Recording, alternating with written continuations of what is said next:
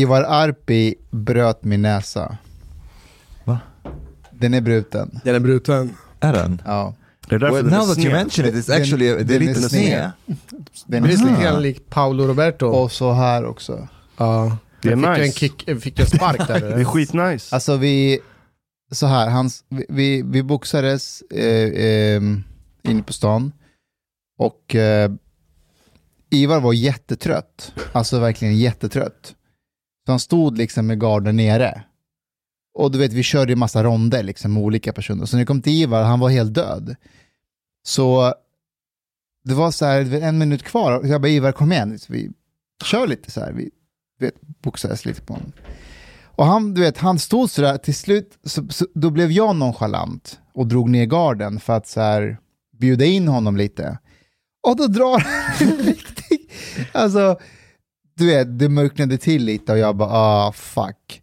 Eh, men du tänker ju inte på att den är, Han, drog till, han slog till en riktig, en rak höger.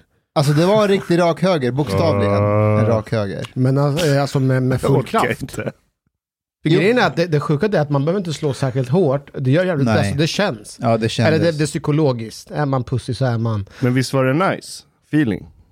Vad vet du om det? Jag har fått min näsa bruten. Jag sparrades mot min kompis som var etta i Sverige i K1 på den tiden. Så han skulle bara sparra lite och sen fick han in en feting i näsan och käken. Så jag tappade medvetandet. Oj. Jag blev utnockad. Det var skitfet känsla. ja. För du är vaken i huvudet efter, alltså i början, men det blir typ myrornas krig. Men du känner hur alla musklerna bara lägger av, så du sjunker ner på marken. Och sen är du borta några sekunder. Blev Det- du också så? Alltså, jag, inte riktigt, det var ingen knock. Det var Okej. bara, det var, alltså det var rakt på näsan. Ja. Men det sjuka var att strax Kände innan- du blodsmak när du fick slaget? Nej, faktiskt inte. Ah. Eh, men det sjuka var att strax innan han slog så sa han ni har förstört mitt land. Och sen slog han. I understand him. did you see Did you see him uh, yesterday with Anders Lindberg på ja, Aktuellt? ja. What the fuck? Vad var det som hände? This country is like really has no spine at all. I, I'm actually a bit disgusted by the level of cowardice that I'm I'm really really considering to do something about it because this is way too much. Vad, är det, vad syftar du på? basically Anders Lindberg was was arguing for you know what he didn't say it in these words but basically his message is if any manifestation or demonstration causes too much like trouble it should not be allowed basically. And he did not really want to reply what if nazis attack like uh, a feminist demonstration and, and, and so on? Because it is possible. But but uh, Alltså så så här, se vad man vill om det, men jag tror nog att många svenskar håller med honom. Nej jag tror inte det faktiskt jag bara Av det vi har sett senaste veckan, Omar, svenskar vill inte ha bråk, man vill inte ha trubbel. Det här är att vi ska inte backa en millimeter, vi ska slåss, om det blir kravaller varje vecka. De flesta svenskar vill inte det. but I think Sen det här argumentet med eh, vad händer om en, ett gäng feminister eh, demonstrerar och eh, nazister attackerar dem. Eh, ja, det är ett bra argument, men hur många är nazisterna? Här har vi en halv miljon människor som är arga och kränkta. Nej, men förstår du vad jag menar? Man kommer slå tillbaka mot nazisterna för det är några... so, so basically if like if if there's a as as much as the group increases in number we should just submit to I, them lyssna, inte we should. Nej, jag säger let's go. Jag säger, jag säger bara att jag tror att de flesta svenskar tänker så här, åh, kan vi inte bara sluta bråka? well too bad Får jag bara ställa en kontrollfråga angående det här ämnet hets mot folkgrupp och diskussionen huruvida bränna Koranen är hets mot folkgrupp. Det finns ju andra grejer som man gör som är hets mot folkgrupp. Som vadå? Eh, heila på stan är ju hets mot folkgrupp. Ja, men det är ju riktat mot judar. Om inte det är det då? Om jag, om jag heilar på men jag har absolut ingen som helst avsikt att heila mot eh, judar. Varför Fast det- heilar och det, du då? fanns, och det finns inga... well I think hets hets Det mot handlar om min folkgrupp is yttrandefrihet, att jag ska kunna yttra vad jag vill. I think hets mot folkgrupp is a stupid law Eh, en annan sak är också det här med, du vet om man har eh, eh, den här, eh, den här, vad heter den här? Eh, Hakorset. Är det olagligt att ha kors? Det- det- Om, det Ja, det är hets mot folkgrupp också. om du skulle ha en tatuering av hakkorset och visa den, så är det hets mot folkgrupp. Varje gång du exponerar den här tatueringen för, för utomstående så är det hets mot folkgrupp. You can't swim. Så det finns Get into the ändå, water, they catch you right away. så det finns ändå utrymme inom den här eh, hets mot folkgrupp eh, brottet där det är alltså eh, upp, utrymme för tolkning. Så man har kommit fram till att det här är hets mot folkgrupp. Men det är inte just för att judar är en etnisk grupp och att det är riktat mot den etniska gruppen. Fast är det en etnisk grupp? Vi har ju jättemånga olika typer av judar som inte är, som är olika grupper. Jo, de är en etnisk grupp. Det är en folkgrupp judar. Ja, fast det Vadå, finns massor de med olika. ju i Men Hanif syftar nog till konvertiter till exempel. Om jag Det- konverterar till judendom, blir, är det hets mot mig då? Om, genom att visa, har jag joinat den folkgruppen? Jag Klart, tillhör den folkgruppen. Om du har konverterat och blivit accepterad, ja. Well, the thing is actually, Kan jag konvertera och bli svart också? I think uh, well, hatbrott, uh, the formulation of it, like it's hate crime here from uh, the police website. Hate crime is a collective name for vari- various crimes committed as a result of the offender's negative attitude towards, for example, sexual orientation, okay, skin color, okay, or religion. Fucking bastards. Well, like, Religion. what what does religion have to do with this? If you have like negative attitude towards religion, so what? Fast det är det inte så, religionen är en sak men utöven en annan ja sak. men muslimer. Yeah, but, but yeah, exactly. säger- But they, yeah, they Men, didn't aha. say like like the followers of a religion, Just det. a religion, not not Muslims, for example, Islam. Så då skulle Negative bränna, attitude towards Islam. så då skulle att bränna Koranen bli, kunna teoretiskt bli en But eh, brott. but they det said crimes like them here uh, is a collective name for various crimes committed as a result. So, for example, I think maybe um, you have to commit a certain crime in that context. For example, to attack a woman in hijab, you know, not that you have just like the you don't commit a crime and and that would be considered hate crime still. Nej, det, alltså eh, hatbrott, eh, det är ju ett hatbrott. Det finns ju något som heter hatbrottsmotiv. Du kan begå olika typer av brott och sen så har du hatbrottsmotiv som gör att det blir eh, extra försvårande att man måste åtala och så vidare. Om du till exempel misshandlar eh, Chang på stan för att han eh, är dryg och ser, äh, klär sig fult. Det är Ja, en sak. Men om du, om du ger det på eh, Chang för att han är jude eller roms bakgrund och säger eh, någonting negativt om hans judiska bakgrund, då är det ju misshandel med hatbrottsmotiv. Blir det- extra hatbrott om man säger din juderom? om du vill ha dubbelt. Ja, blir det dubbelt så mycket hatbrott då? But Jag hade nog garvat om någon hade sagt så. Yeah, I, I don't- think they would accept like hate, like that anybody would accuse somebody who attacked Chang uh, of having committed hate crime. Jo, Det måste de. Du vet Chang, jag tänkte lite på det här du sa häromdagen om att så här, vad gör de här människorna här, de här som, eh, att man skulle dra in deras medborgarskap Ja. och, och så sa du att de var 50 kolonnare och Ja. sådär. Du vet, det där skulle ju kunna hända dig i framtiden. Vadå? Om du öppnar den dörren så att de där människorna ska utvisas och deras medborgarskap ska Mm. dra in, de är 50 kolonner, de, de har ingen lojalitet mot samhället. Sen om vi får en annan regering i framtiden, eller nuvarande på många sätt, de skulle kunna säga så här, Chang har kopplingar till Ryssland, till Putin, är han verkligen så lojal mot Sverige? Det kan bli väldigt godtyckligt och du kan också ryka på det där. Jag hade nog flyttat långt innan vi hade kommit till den punkten. Jag funderar redan nu på om jag verkligen ska bo resten av, av, av eh, livet i Sverige. Det är jävligt många i min ålder som kollar alternativ till att lämna landet. Det är ju många jag känner i min ålder som redan har stuckit. Men vad är ditt största bekymmer egentligen? För du har väl ändå ett bra liv här? Du bor i Bålsta, du får köra Jo, din raggarbil, du- förvisso är bensinpriserna dyra. Du, det är olagligt att gå till prostituerade men du kan ju, gå, du kan ju ändå leva livet på många andra sätt. man, man, man tittar ju 10-20 år framåt med om du ska ha ungar här och hela skiten. Och även om det går bra just nu så men går det bra för Sverige. Det går väl inte dåligt? Eh, Jag skulle säga att det går rätt dåligt. Sverige. Varför går det då? Alltså du menar på, eh, du menar på den här... episodes on Men alltså, Nej, vi, måste, vi, måste sätta, vi måste ändå sätta den i helhet. Ekonomiskt, all utveckling. Alltså, Ekono- hel- ekonomiskt är jag livrädd för vart det här landet är på väg. Statliga finanserna är starka på pappret just nu. Men de visar inte hela sanningen. Vi har extra, alltså så här. Man, man, man, har, man har fuskat med underhåll av järnväg, av infrastruktur med vägar, med massa andra saker. Man har byggt upp en jättestor skuld som måste börja fixas någon gång. Ja. Så även om det ser bra ut resultatmässigt i, i statens budget så mycket man har sparat in på, det är grejer som förr eller senare du måste lägga pengar på. Eh, är ni med på vad jag menar?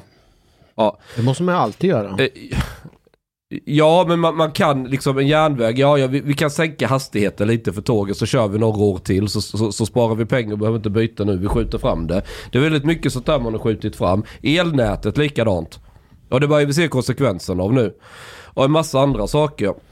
Så statens finanser är inte fullt så goda som man tror att de är om vi ska behålla den här levnadsstandarden. Ska vi fortsätta gå plus på staten, allt annat lika, då måste vi börja sänka levnadsstandarden. Alltså så här, vi har inte el alltid när vi räknar med det. Vägarna, ja vi kanske får sänka 110-vägen ner till 70 snart. Om, om man inte har råd att underhålla på vissa ställen och så vidare och så vidare. Eh, Alltså jag försöker bara förklara en principiell grej. Och sen det störst, absolut största problemet är den privata skuldsättningen. Folk har ju inte all, är inte alls förmögna i det här landet. Tvärtom. Och det är balansrä- Jag skiter i inkomsten, jag tittar på balansräkningen. Och lika... Och inom några år kommer bostadspriserna sjunka med cirka 30%. Vilket betyder att... De, What? Ja, det är Finansinspektionens senaste projektion. 30%.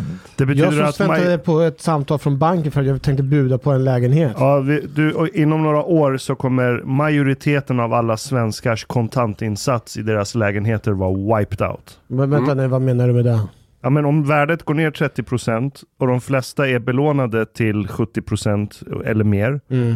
Så ryker ju kontantinsatserna. Så den lilla förmögenhet ändå- många svenskar har i sin bostadsrätt, den kommer wipas ut. Nej, det behöver inte vara sant. För att jag menar, om jag har gått in med min kontantinsats så har ju ändå värdet på min bostad ökat jättemycket sedan jag gick in med insatsen. Ja. Så när, när bostads, eh, bostadspriserna sjunker, jag har ju fortfarande mitt origi- eh, liksom, original... Problemet för många är Eller? att de, Nej. de, Vadå nej? Nej, för att det, ingen kommer ju buda på din lägenhet för de pengarna som du köpte den för.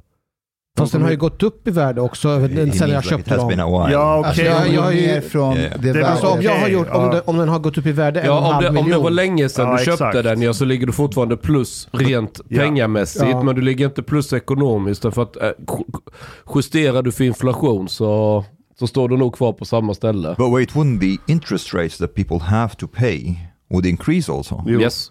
So what, maybe they don't have the capacity to pay this. Det like, också. Det kommer ju också skicka, då kommer ju så bli som 90-talet när hus hamnar på exekutiv auktion. Men det är bara en faktor, det är den ekonomiska. Det är tuffare tider framför oss. Och folk, alltså staten kan nog ta en del smällar som det ser ut i, i ekonomin, eh, staten. Folk kommer inte klara det. För att de flesta har ju, om de har ett hus, om de inte, det många har gjort är ju att då har de ju lånat mer på huset för det utrymmet har plötsligt funnits. Och så skaffar man en pool, man bygger ut garaget, man Fixar snyggar en till det. Ja, raggarbil. Nej, den har jag, jag har inga hus. Men andra kanske har gjort det. Ja, Hanif. Ja, ja. Eller en extra lägenhet. Eh, och sen när du då har belånat upp det utrymmet så har du väldigt lite marginaler.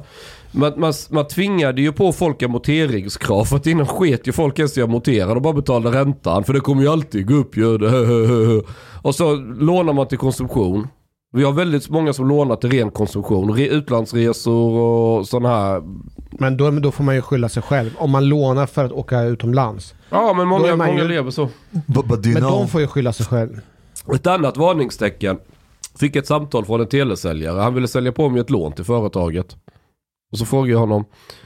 Men vadå för lån? Eller varför skulle jag låna pengar? Nej men jag vi har... att du frågade någon som ringde och ville. Du bara, vadå, vad är det här för något? Ja, ja. Berätta, mer. Eh, Ja men jag var ju ja, men det är klart, jag blir riktigt nyfiken. Va? Ja men då, då sitter han som innesäljare, ringer runt till företag, kollar, behöver de stärka upp eh, du vet, som motsvarande checkräkningskredit. Du kan få ett par 300 000, en halv mille vad du behöver. För då såg jag att företaget ser bra ut kreditmässigt och har funnits flera år och sådär. Så sa jag till honom. Jag tror det kommer gå åt helvete snart med ekonomin. Va? Varför tror du det? Jo, för att nu ringer telesäljare och vill pracka på en lån. Jag vet inte, det är en varningssignal så vet jag inte vad. Och då blir han rätt tyst. Han, fa- alltså, ja, han, han fattar ju min poäng ja. Och, så ja, jag tror det kombinerat med att vi har redan en väldigt stor inbyggd så, vi- så kallad social oro. Vad händer med den när ekonomin börjar gå dåligt? Dels det, men också kriget i Ukraina och Ryssland gör ju att priserna går upp på mat, bensinpriserna går upp. Jag köpte en banan för nio spänn igår. Nio spänn! Men du köpte En den, banan! men du köpte en! på Pressbyrån hos mig. Nej, på Ica! Fast på, om en du går till Rinkeby kosta? så kostar banan was 12 thinking the same kronor kilot. How much does it cost usually? En banan, alltså Fem spänn. fem spänn, fyra, fem spänn. Really? Fast Nio double kronor! Fast priserna i Rinkeby är fortfarande billiga. Det är billigaste priserna. Men jag vill inte dö. This not, it's not. Sweden. But you know like Kolla här. Det här är från Trends på Google. Eh, mängd människor som googlar på kronofogd, Kronofogden. från, från 2004 till idag. Ser ni att den gick upp en period och sen går den ner lite och håller sig stabil? Ja, vad Det är är det? finanskrisen 2007-2008.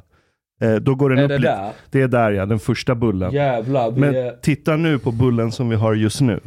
Den är helt absurd. Fast det är den högsta strong. Men hur, mycket, hur många av de googlingarna står Annika Strandhäll för?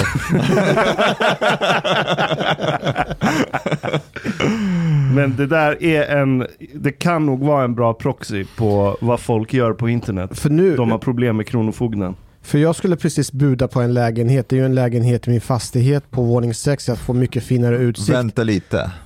Tror- är det samma det- byggnad? Det är samma byggnad, allting är liksom perfekt. Jag flyttar upp, men det är renoveringsobjekt. Jag skulle aldrig i mitt liv, så som jag bor, om jag hade bott som du bor just nu, jag skulle aldrig i mitt liv skuldsätta mig en enda krona mer.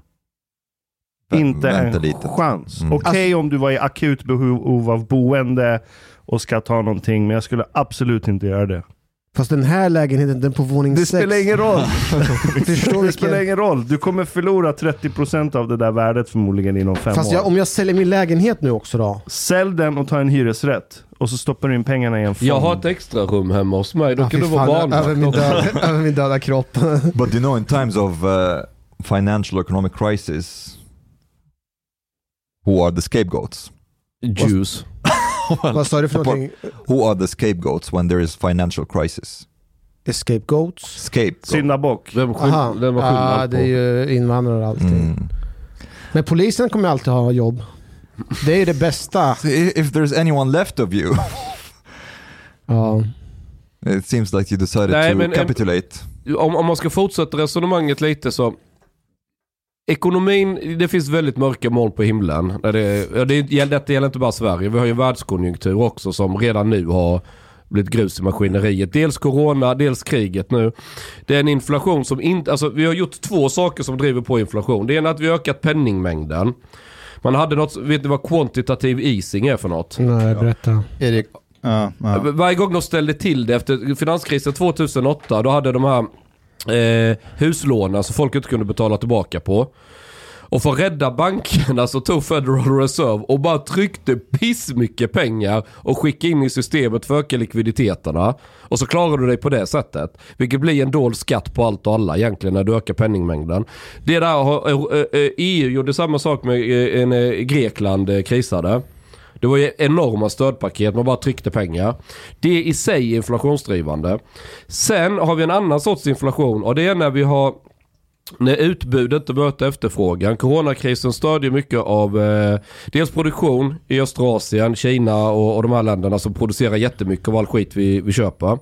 Och sen transporter, bara, bara det här skeppet som hamnade på sniskan i Nilen, bara en sån grej ställer till det. Especially China. They're deciding to shut down whenever like somebody has Ja. corona. Ja, ja.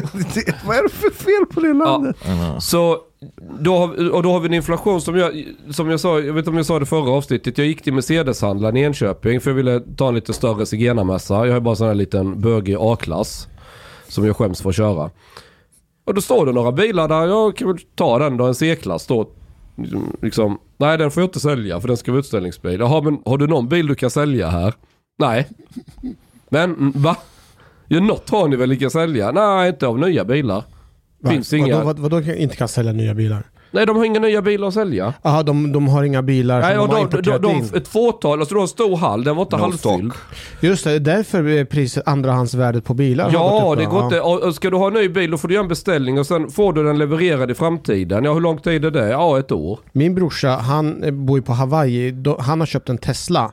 Och enligt uppgifter så går, när man köper en Tesla så går priset upp på Teslan för att det är så svårt att beställa Tesla. Mm. Så att, han gör en investering av att köpa en bil. Det låter ju helt Det sjukt. är inte alltid man köper en bil för att investera. Nej, men han säger att det här, den kommer gå upp i värde. Shit products are acting like stock. Ja, så jag För så har att det i och med att det, det är svårt att producera Bilar har så... blivit nästan en commodity. Ja, det är helt sjukt. Det låter konstigt, men jag, alltså jag tycker från första början tänkte jag att Rasmus Paludan, han var en jävla idiot alltså, som, som kommer hit och bränner Han är böcker. fortfarande en jävla idiot. Han är det, men det är någonting i mig som liksom, det är en smilegruppen på mig som smyger sig uppåt. för att man Så stress... pekar du med att dra i ansiktet. för att det, liksom, det stresstestar och det, det, det känns som så här, yes, nu får ni se vilket samhälle vi har det. Stresstestet it was om. an epic fail det här, on all fronts. Ja. Men det är din Mujahedin-DNA som vaknar Nej, jag tror det det är mer frustration. Jag tror det är mer frustrationen av att vara polis och se samhällets baksida. Alltså, bara- Men att man, in, man inte, resten av samhället har noterat det på samma sätt. Hanif, jag, jag vet att du pratar ju, du är liksom i organisationen, men jag har senaste dagarna pratat med lite ol- olika kollegor och de har mycket underlag på att det här var välplanerad från, från olika diverse gäng. Det visar sig i Linköping, Norrköping så fanns det personer som var kopplingar till Bandidos. Ja. Det är väl det som finns. Och att de liksom har transporterat stenar från olika platser i bilar. Eh, det, det underlaget har de och att de har planerat det här under flera veckor. Det har inte varit spontant. Mm. De har bara väntat. Så det finns ju som... Vi kan inte komma ifrån att det finns gäng och kriminella gäng som, som har planerat det här. Sen har de fått med sig en del andra från de här orterna liksom på köpet. Men att det här verkar vara välorganiserat. Right. Så I säger mean, de även i Rinkeby att från de som var där, det är att de som kastade stenar på polisen, det var ingen som man kände igen. Eh, Så då allmänheten, lokalbefolkningen visste inte vilka de här personerna var. Och vi har fått namn nu på de som är gripna. Och när jag tittar på dem så är det inga namn som man direkt känner igen. Det är inte våra vanliga klassiska busar. no, and like there were like kids and stuff like that. Not all of Fast them, of eh, course. vi like- har en del som är, vi har en någon snubbe som är född 78. Mm, mm. Alltså då är man ju 40. No, no, I'm, I'm not saying all of them were Oh. kids, but the thing is, like, yeah, it, it could be, it could be the case that they were not like really prepared for this kind of threat, or, or like in that extent. but what does it say about the police that they seem to be wanting to back off now? They are basically saying, well, this is a bit too much for us. Säger de verkligen det då? Har polisen sagt det? Well, they are preparing for it. Didn't you see the, the statement that they Eh, issued? Fast Du det är ju, jag låt mig- uppfattar att du gör lite egna tolkningar. Låt mig, läsa upp, låt mig läsa upp hela, hela meddelandet som polisen gick ut med Mm. eh, idag. va? Mm. Så här, med rubriken Tillståndshantering efter helgens händelser. Tillståndshantering utgår från varje enskild ansökan, men brottslighet som uppvisar en likgiltighet för människors liv och hälsa kommer vägas in i kommande bedömningar. Under helgen genomfördes ett flertal demonstrationer. I samband med dessa uppstod det allvarliga ordningsstörningar med kravaller, våldsamma upplopp och annan brottslighet riktad direkt mot polisen. Inför kommande helg har samma arrangör aviserat att den har för avsikt att genomföra flertalet demonstrationer i Sverige. Det har varit exceptionellt läge och väldigt allvarligt brottslighet kopplat till dessa demonstrationer. Tillståndshanteringen utgår ifrån varje enskild ansökan, men de senaste händelserna är naturligtvis mycket försvårande, säger Jonas Hyssing, eh, kommenderingschef för polisen. Polisen har, som uppgift, polisen har som uppgift att värna yttrandefriheten men samtidigt att verka brottsförebyggande och trygga ordning och säkerhet i Sverige. Helgens upplopp har involverat brottsrubriceringar som mordförsök, våldsamt upplopp och ett direkt våld riktat mot blåljuspersonal. Tillståndshantering sker utifrån varje enskild ansökan och utgår ifrån ordningslagen, förarbeten och praxis. I de flesta fall kan inte eventuella ordningsstörningar vid tidigare möten som orsakats av eh, motdemonstranter påverka bedömningen. Att neka tillstånd är väldigt ovanligt eftersom det är en grundlagsskyddad rättighet att få demonstrera. Dock är allvarliga eh, ordningsstörningar, fara för liv och hälsa och egendom försvårande omständigheter. Så de öppnar för att säga så här, hej vi har en grundlag, det är klart man ska få demonstrera, men ni såg ju vad som hände senaste dagarna. Ni måste förstå att vi kommer ha med det i beaktning. Och vet du vad, jag står faktiskt bakom dem. Va? Nej men, nej, men, Hur kolla, menar du? Nej, men kolla här, kolla här. Säg att polisen går ut och säger så här, det vi såg senaste dagarna, det är väldigt allvarligt, eh, eh, men vi backar inte en millimeter. Vi kommer att lägga in alla resurser vi har för att motverka det här. Vi har en grundlag att skydda. Eh, vi har vi, vi, hela samhället stöttar oss. Då, då är jag så här, let's go. Kör, kör. Nu säger de mellan raderna att de har inte resurser. De har inte kapacitet att backa Yeah. upp det här. Yeah, och då säger de, vi, vi kommer ha mer i backning. Vi kommer inte skicka Då våra innebär poliser. det här att inte vi har eh, fri åsiktsfrihet i det här landet då? Not in practice. Nej, men, då men har vi inte det. Mm. Polismyndigheten säger vi kommer inte skicka in våra kollegor in i sådana situationer om inte vi kan också försvara oss på ett bra sätt.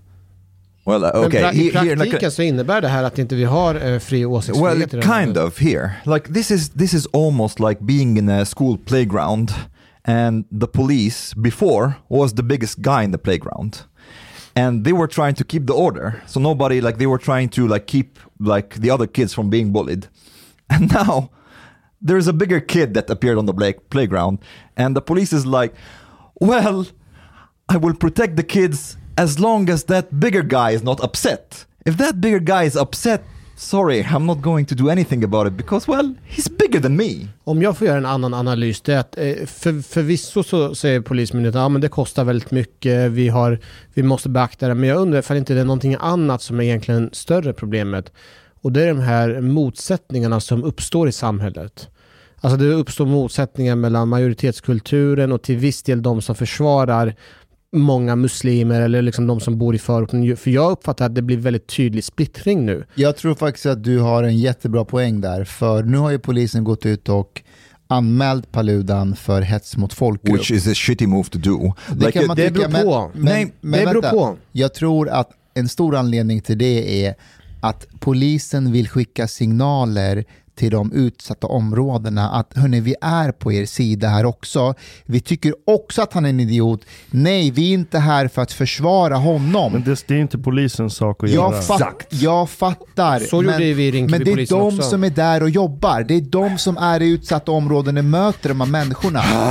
Okej, men- jag, men jag förstår Omar, dig. Jag förstår här, dig. så här, Vänta, gjorde, vänta, vi, vänta, så här gjorde vi även i Rinkeby. När Paludan var hos oss så gjorde vi en polisanmälan, hets mot folkgrupp på grund av att han eldade Koranen. Yeah, because you don't have a spine. But this is the thing that has been proved in Stock in the court in Stockholm and in Malmö.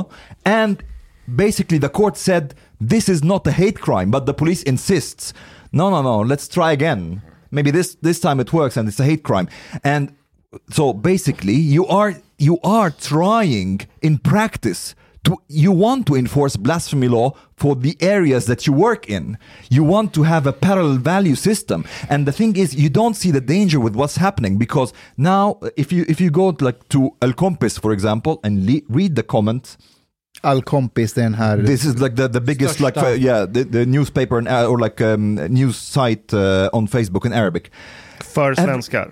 Ja, Eller för folk i Sverige. för svenskar. Ja, ja. För, ja, för folk som bor i Sverige. typ- svenskar. So if you, if you see the comments and the people are saying, okay, now the police is saying, yeah, this should be a hate crime. They feel justified in their outrage and anger. And if the court would go now again and say, well, no, this is not a hate crime. The, these people would be like, but the police was on our side. Like the Swedish state is doing this to us. It will increase this victimhood like mentality. And you, what you should be saying to, to these people in this area that basically we have yttrandefrihet. You have to respect it. Sorry, this is how the society works. Not like, ah, I understand you. I understand that the, this Swedish way is diff- like different, different Omar, difficult Omar, for you Omar, to om, om understand. jag, Omar, du har rätt i sak. Du har rätt i sak. Du i grunden är en person som är rebellisk. Du, du gillar att delta i upplopp i, i, i Egypten. Du, du går igång på det. Du, liksom, du viker dig inte för att bränna Koranen för att få asyl. Jag förstår att det finns en, en ådra inom dig som vill bara nu går vi bananas fullt in. Vi ska försvara Men nu yttrandefriheten. lever vi i Sverige. Nu, Jaha, nu är det, vi har inte, Det är det vi ska förklara för. att det här är, vi har Men- inte yttrandefrihet här. Men du ser ju själv den här polariseringen som det skapar. Vi vill ha det lugnt och skönt. Vi vill bara ha det lugnt. No, sorry, I'm here. Alltså jag vill gå som, till jobbet som polis och bara ta det lugnt Och och, mysa och äta, äta semla, äta bulle. Stop being police! Stop being, find another job!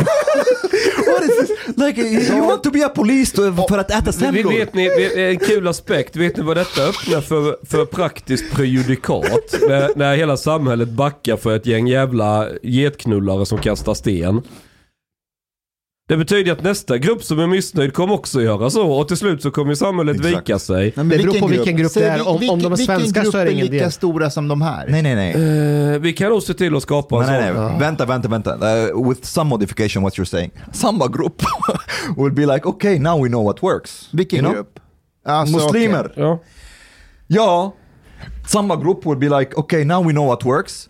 Anybody who, offend, who offends us, like we will go out like to the streets, take to the streets, throw stones. It works. Fast det, det We finns, threw stones Fast- and they decided not to do this again. Jag tror de är vettiga nog att förstå att och det som du måste komma ihåg att till skillnad Ja, från tidigare jätte, händelser så människor. Väldigt resonabla och djuptänkande de här Det som, det som är stenkastarna. viktigt att komma ihåg också att vi har i polisen har ju väldigt, väldigt många misstänkta nu.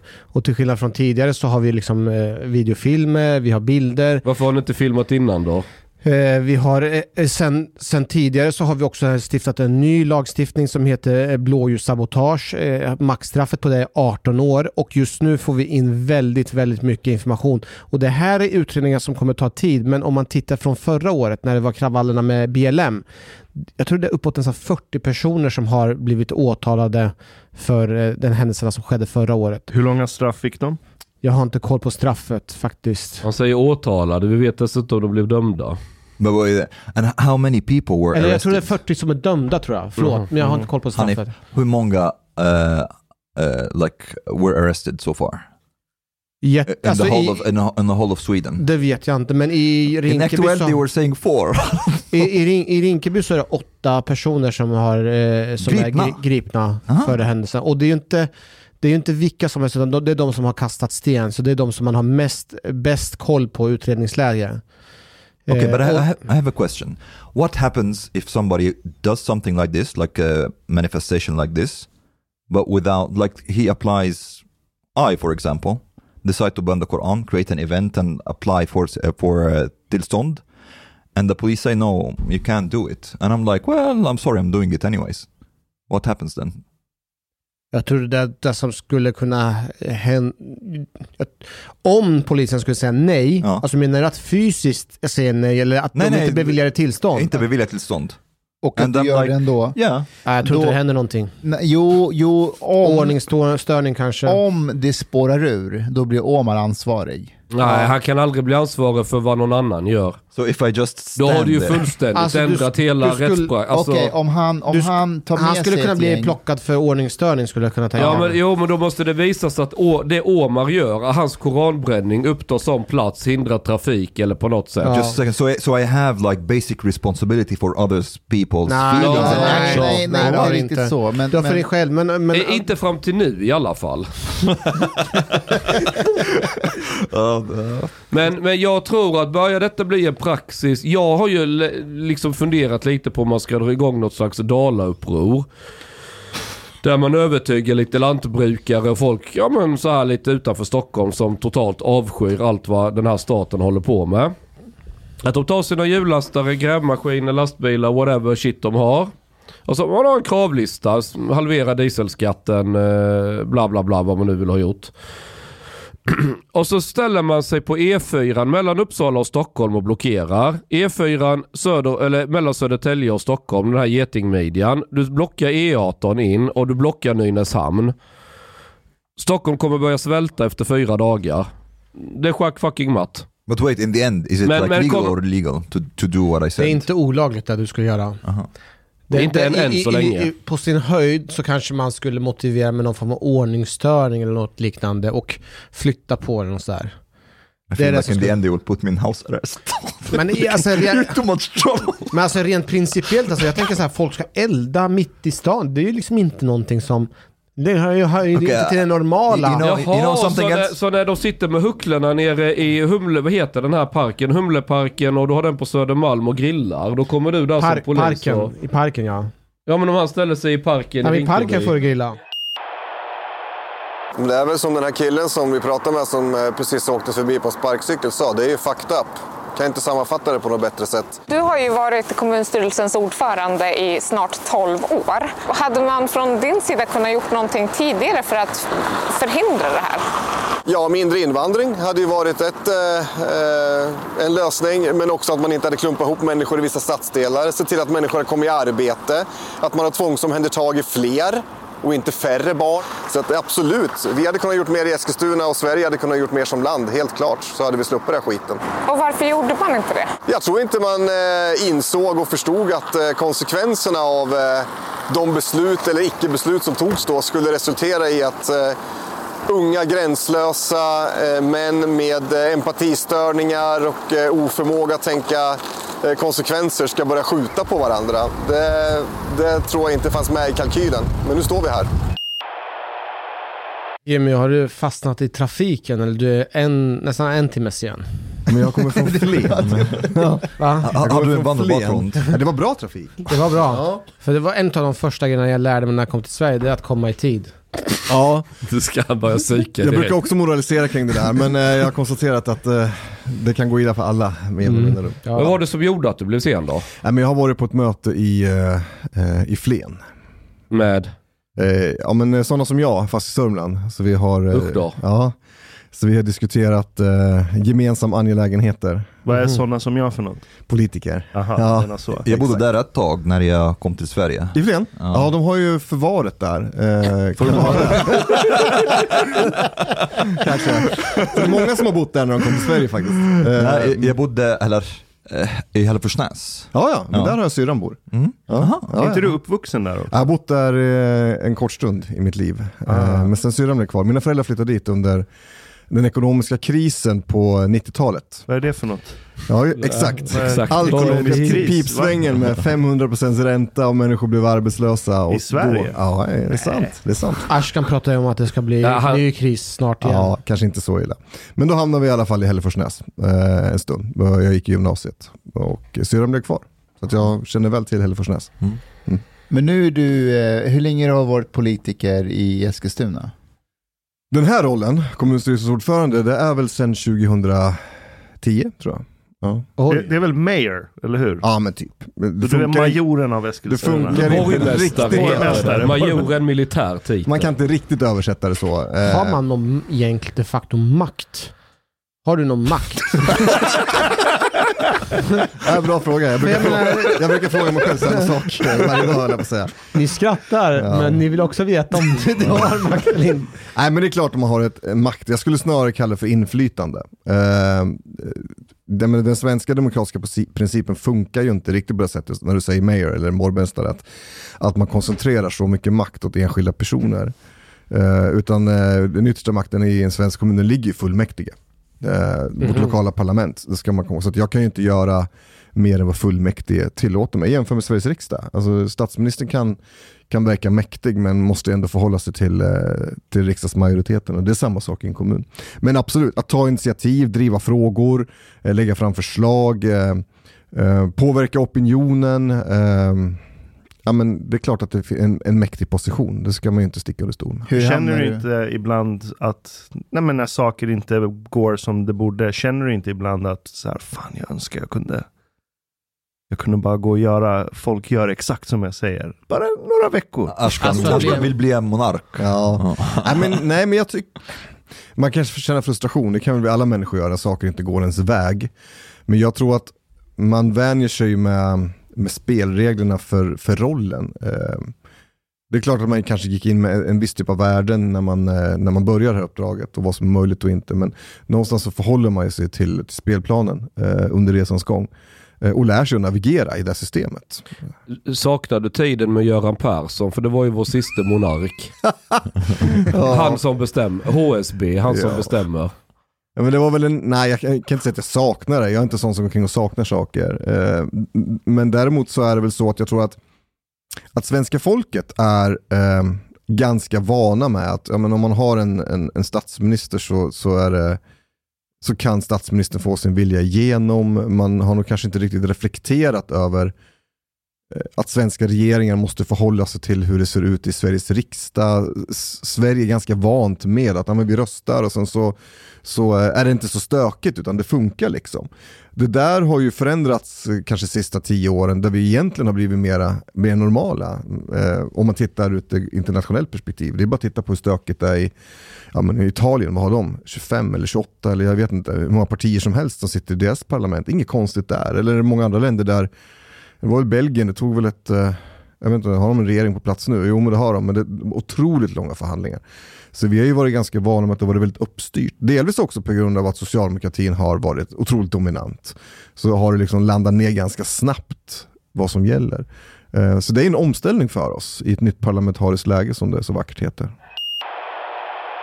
Du är ju socialdemokrat. Mm. När jag lyssnar på dig prata, alltså med media, Mm. så låter du som en oppositionspolitiker. Mm. För du, du tar upp saker som är ganska tabu. På, till exempel när du blir frågad vad man ska göra åt det som händer i Eskilstuna. Mm. Det är skjutningar, nu senast, det var för några veckor sedan bara va?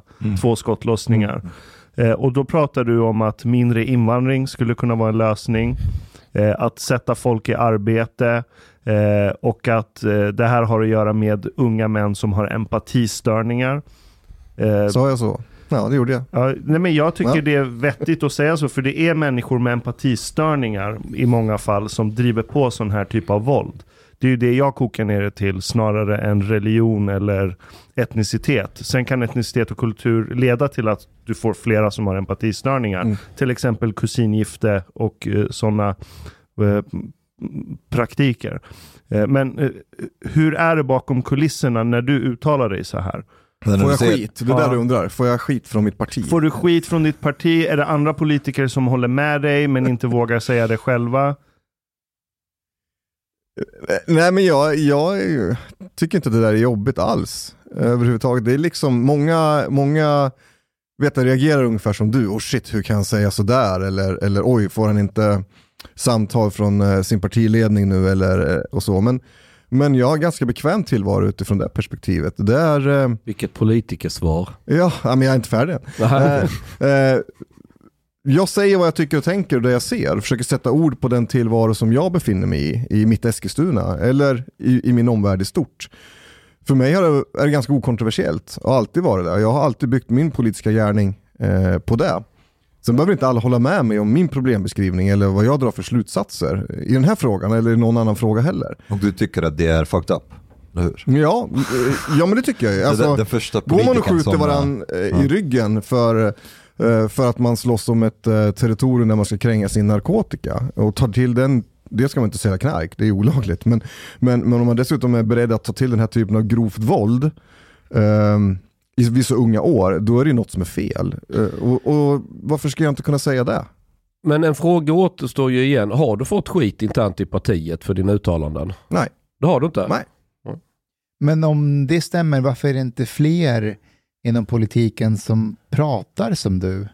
Men för att det är jobbigt. Varför är det jobbigt? Vad är jobbigt då? Ja, Om man inte får du får skit, inte varför är det skit. jobbigt? Jag antar att när du går på gatan i Eskilstuna så kommer folk fram och tacka dig för att du, jo, ja. jo.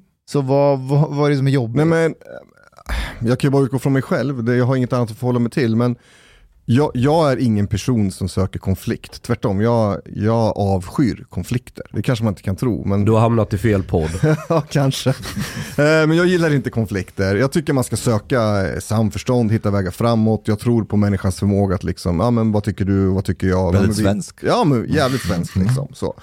Eh, eh, och så, tar inte till höga, to- höga toner och, och, och sådär i onödan. Men ibland måste man ju ha en konflikt för att synliggöra eh, åsikter och skillnader för att det är bara så du kan komma fram eh, och, och hitta en vettig diskussion och framförallt hitta lösningar. Eh, och, och, och så har jag funkat och resonerat eh, under hela min politiska gärning. Och det är många som undrar, ja, men får du inte skit för ditt parti? Jag vet någon gång har jag uttalat mig i nationella medier och sådär, så ja nu får han avgå direkt. Så här. Någon som kanske inte, det där kommer han aldrig, aldrig få, få eh, komma undan med. Men, men, men grejen är den att de flesta människor är rätt sunda och sansade. Va? Och, och, och, och om man lyssnar på vad jag säger så är det inte jätteradikalt. Alls. Eh, och jag tänker att det finns ett ganska stort värde i att det kan vara i en, i en rätt polariserad tid en socialdemokrat som kan, kan formulera vår tids samhällsproblem på något sätt och kanske också ibland en och annan lösning i den mån det, eh, det går. För att försöka balansera debatten lite grann så att det inte blir personer på ytterkanten som står och skäller på varandra för de kommer aldrig hitta varandra. Utan ska vi nå någon sorts väg framåt Så är det via socialdemokratin. Ja, eller åtminstone någon sorts politisk eh, mitten eller för mitt perspektiv då med lutning åt vänster. Att, att kunna formulera det. Och för mig är det där ett ofrämmande, som socialdemokrat då, för det är där ni liksom eh, glider in på. Vad har mitt parti gjort sedan det bildades? När det bildades 1889 eller 98 beroende på om man tänker fackföreningsrörelsen eller inte, så var det för att saker var jävligt fucked up på den tiden också extremt fucked up. Människor levde i total misär i det här landet. Man dog på jobbet som flugor, man söp ihjäl sig, man slogs, man våldtog. Eh, det var, Sverige var ett av världens fattigaste länder med rang. Eh, och det där reagerade människor mot. Och man pratade om det, man lyfte fram problemen, man var ärlig med problemen. För att det var bara då man kunde driva en opinion för att åstadkomma förändring. Det är jäkligt sossigt att göra på det här sättet. Eh, sen tycker jag att man inte ska överdriva och man ska heller inte släta över. Det är väl då man också kan hitta en väg framåt. Om man tittar på Eskilstuna som kommun, ehm, kan du berätta lite om eh, hur det ser ut där, ehm, politiskt, vilka som styr, Mm. de problem ni har? Förutom att ni har producerat Sveriges bästa band genom tiderna, Kent, Kent som Ja. jag stort Bra. fan av. guld, guldstjärna där. Ja, jag och, det, är jag, det är jag och Chang och Ashkan. Alltså jag har lyssnat på Kent hela min uppväxt. Fast du, du är inget riktigt Nu vill du också fan. passa in. Nu passar jag in. Jag, pass, jag lyssnade på det när jag var liten. Jag lyssnade det, på det innan Ja. fjortisar som du började. Du Chang, hur gammal är du? Äldre än dig. Det är du fan inte. Så Okej, säg hur som helst. Berätta om Eskilstuna och... Men jag tror man måste börja lite i historien om ni orkar. Eh, Vi är Kör. en, en traditionell industristad. Eh, Du kan hitta liksom kontexten i, eh, i Göteborg delvis. Vi kan hitta den i Borås med textilindustrin. Vi kan hitta den i Norrköping. Malmö med sin varvsindustri. Städer som verkligen blomstrade. Man, man byggde, byggde välfärd, man byggde framtidstro och man gjorde det med sina bara händer. Man producerade grejer av, av världsklass som såldes globalt. Du kunde ha- tänker på Bolinde Munktell. Exakt, alltså, du är påläst, fantastiskt. Vet ni vad de gjorde för något? Nej.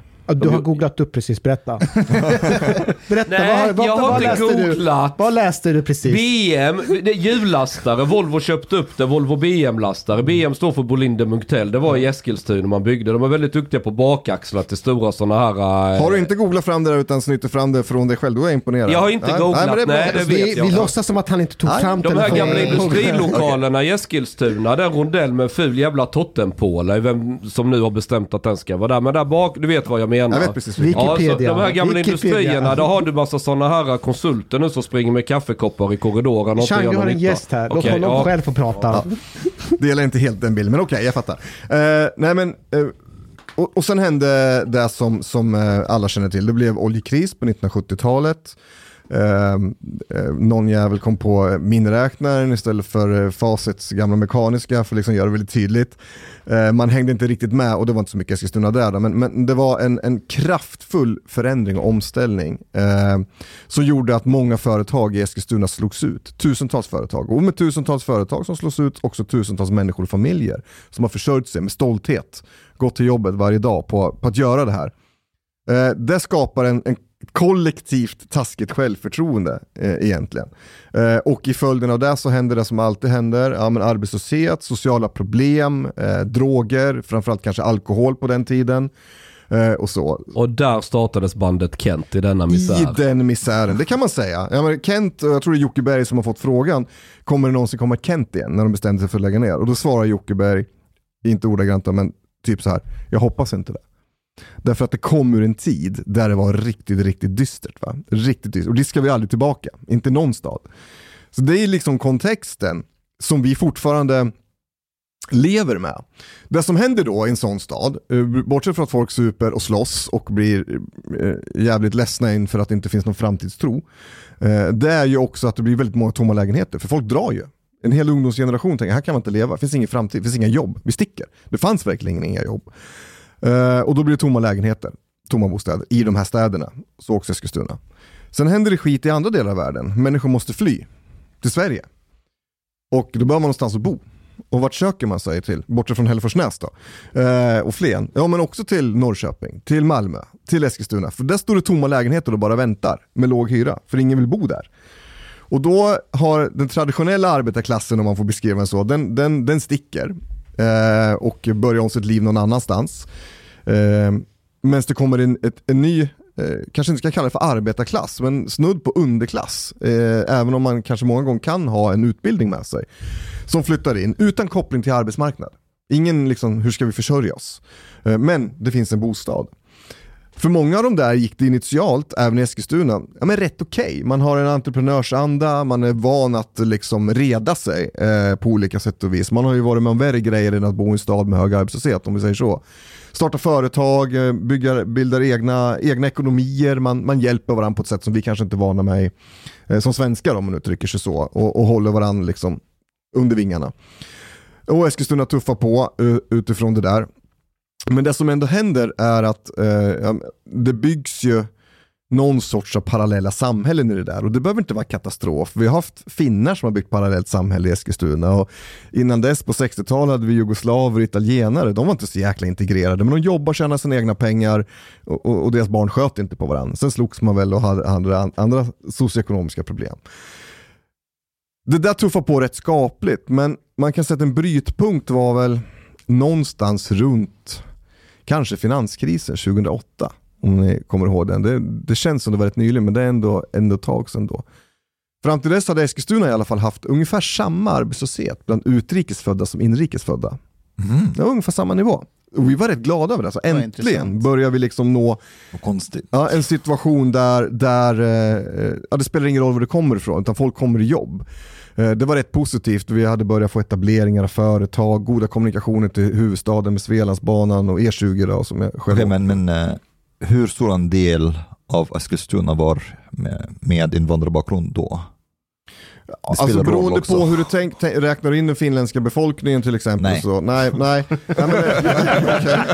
Fast, fast, fast de, de ser sig själva som invandrare många gånger. Det, det, där, det där är en farlig diskussion ja, om du pratar med våra finnar. Men, ja. men, men, eh, ja, men vi kan väl säga runt strax över 20% då. Eh, eller någonting sånt där. 20% då? Ja.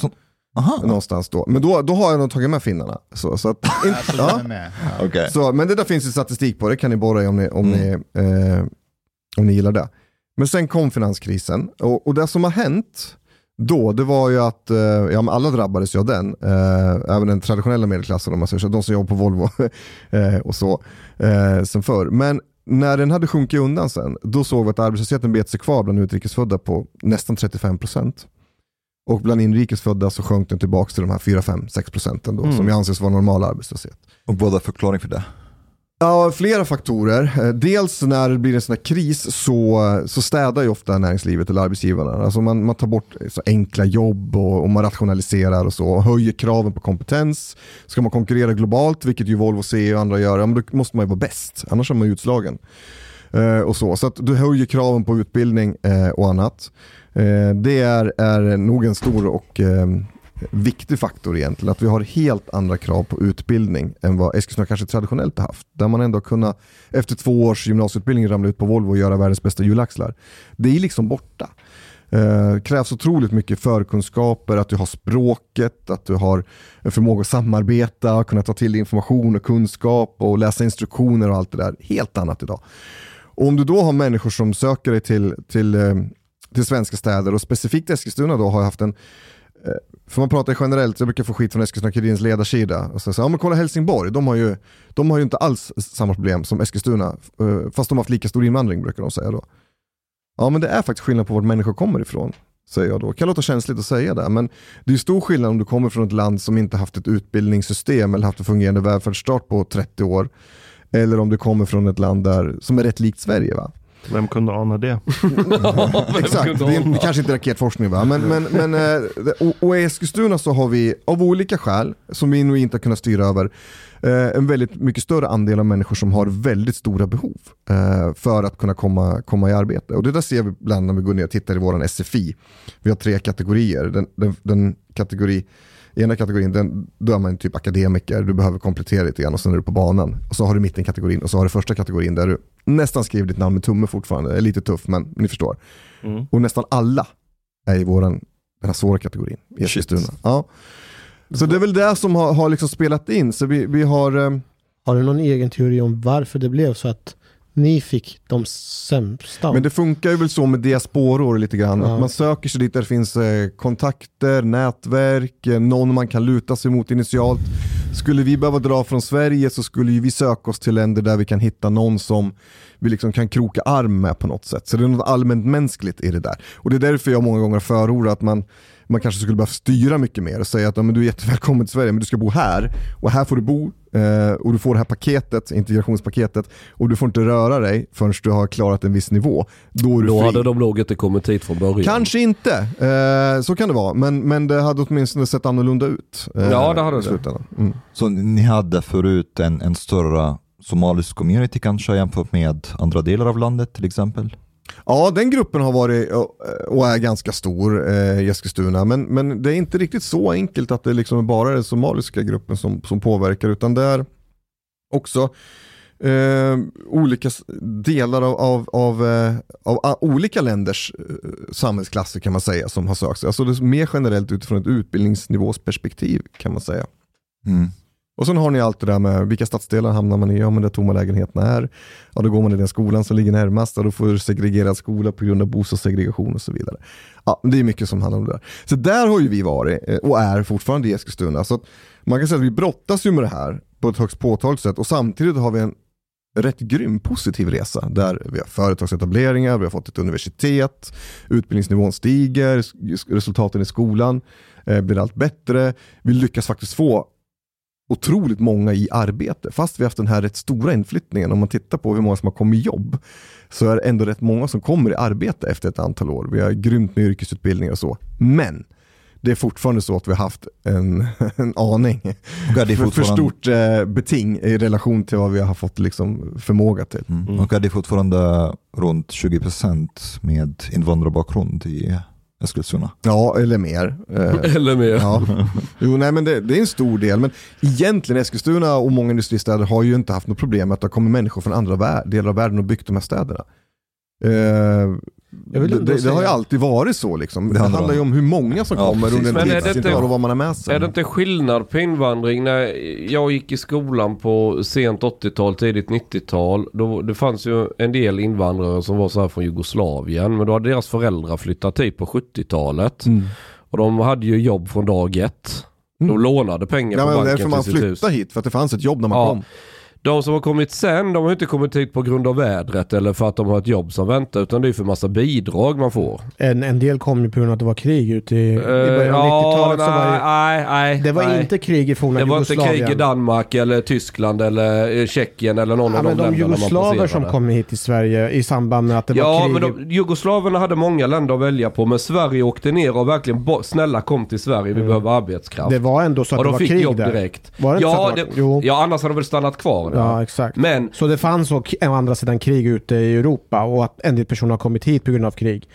Visst är det så? Min, min, poäng är, min poäng är att människor som kommit från Syrien eller till och med Afghanistan har passerat jättemånga länder där det är fred i. De skulle kunna stanna i Tyskland eller Holland eller åka till Frankrike eller någon annanstans. Att de hamnar i Sverige, det är för att det finns en bild i de här länderna att kommer du till Sverige så finns väldigt generösa bidrag och hela den här biten. Och det, Men det är väl en del av berättelsen. Det finns ju andra som har kommit hit på grund av krig. Ashkan är här på grund av krig, jag är här på grund av krig. Många är ju här ändå på grund av krig. Du kan ju inte ta bort en del av kakan. Eller hur? Du, vet, du kom inte med flyktingvågen 2015. Nej, det gjorde jag inte. Nej. Men det finns ju en tid innan 2015 Ja det, som... ja, det sa jag. Då kom de Ja, på grund av Fast arbete. vi kom ju inte många. hit enbart på grund av krig. Kriget var sista droppen. Mm. Alltså, att, att bo i en islamisk diktatur är inte heller så trevligt. Mm. Så visst, vi, vi kunde... Give it some time. Ja, jag vet. Nej, men vi, vi- nu flög vi direkt till Sverige. Men tekniskt sett så passerade vi... Men ma- om jag frågar så här, Ja. när, när, när dina föräldrar sitter i Iran Ja, och ni ska lämna Iran. Det finns ju över hundra länder i världen att välja på. ja. Vad gjorde att de kom till Sverige då? Eh, en anledning var att min farbror, han, han var dokumentärfilmare och så väldigt så här, ja, men, omvärldsintresserad och bla bla. Så han stack ju direkt så fort eh, mullorna tog makten. Han bara, det här kommer aldrig gå bort, de kommer klamra sig fast. Så han stack till Sverige. Och han kom till, han han hamnade i Hallonbergen och hade en liten så här fotobutik i Hallonbergens centrum. Men varför just Sverige? Men de demokratiska rättigheterna var oslagbara. Ja men det är, men- det, det, det är samma i alla europe- Sverige har väl haft, eh, ja men det är klart att Sverige stuckit ut där tror jag internationellt som ett, liksom ett land med... Ja, men plus att min farbror är hipster, så han tänkte att han ska inte gå till de länderna alla andra drar Men jag har ju vänner som är från, eh, som är från Iran också, nog har gjort ungefär samma resa som du. Och, och när jag frågar dem hur det kom sig att de hamnade eh, i, i Eskilstuna då, i slutändan.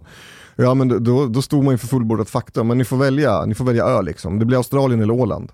Och så bara, ja, eh, vi tar Åland så här. Eh, bra, och så på den vägen var det eh, i, i grund och botten. Alltså det är inte alltid så mycket rationella val. Jag kom hit på grund Det är av Reinfeldt. Gjorde du? Ja, open, eh, open your Nej. Jo. Men många flyr från eh, el- eländiga eh, situationer, det, det tror jag man ändå ska vara tydlig med. Sen är allt relativt vad, vad man tycker, så hur jävligt ska det få vara innan man har rätt att, att fly? Eh, och jag tänker att mycket pekar ju på att har man ett, ett schysst och bra mottagande, oavsett vad man har för skäl att fly, eh, som, som, som handlar om just att ställa krav på utbildning, erbjuda möjligheter, ja, men då, då vinner alla på det i grund och botten. Men då måste man ju också se till att eh, att det där är matchat med antalet människor som har behoven. Det är annars det går åt pipsvängen som det har gjort nu, att man placeras i stadsdelar, att, att skolan inte mäktar med att fånga de här ungdomarna när föräldrar har tillkortakommanden, språket, utbildningsnivå och alltihopa det där. Och det är väl där någonstans som det, som det inte har fungerat. Rätt få kommuner relativt sett har fått tagit väldigt stort ansvar jämfört med, med vad som skulle kunna vara om man hade fördelat det här ansvaret. Och, och, och- det är väl den, den stora grejen. Sen ska man komma ihåg flyktingvågen 2015. Det som hände var ju att land för land klappar ju liksom igen. Så bara, nej, inte hos oss, inte hos oss, inte hos. Man skapar en korridor genom Europa eh, upp till Eh, till Sverige egentligen. Och det kunde man ju göra därför att vi hade då, du nämnde Reinfeldt, eh, eh, världens mest liberala eh, asylpolitik egentligen. Som tog, inte gick att ändra på plats liksom. Det, det tog för lång tid.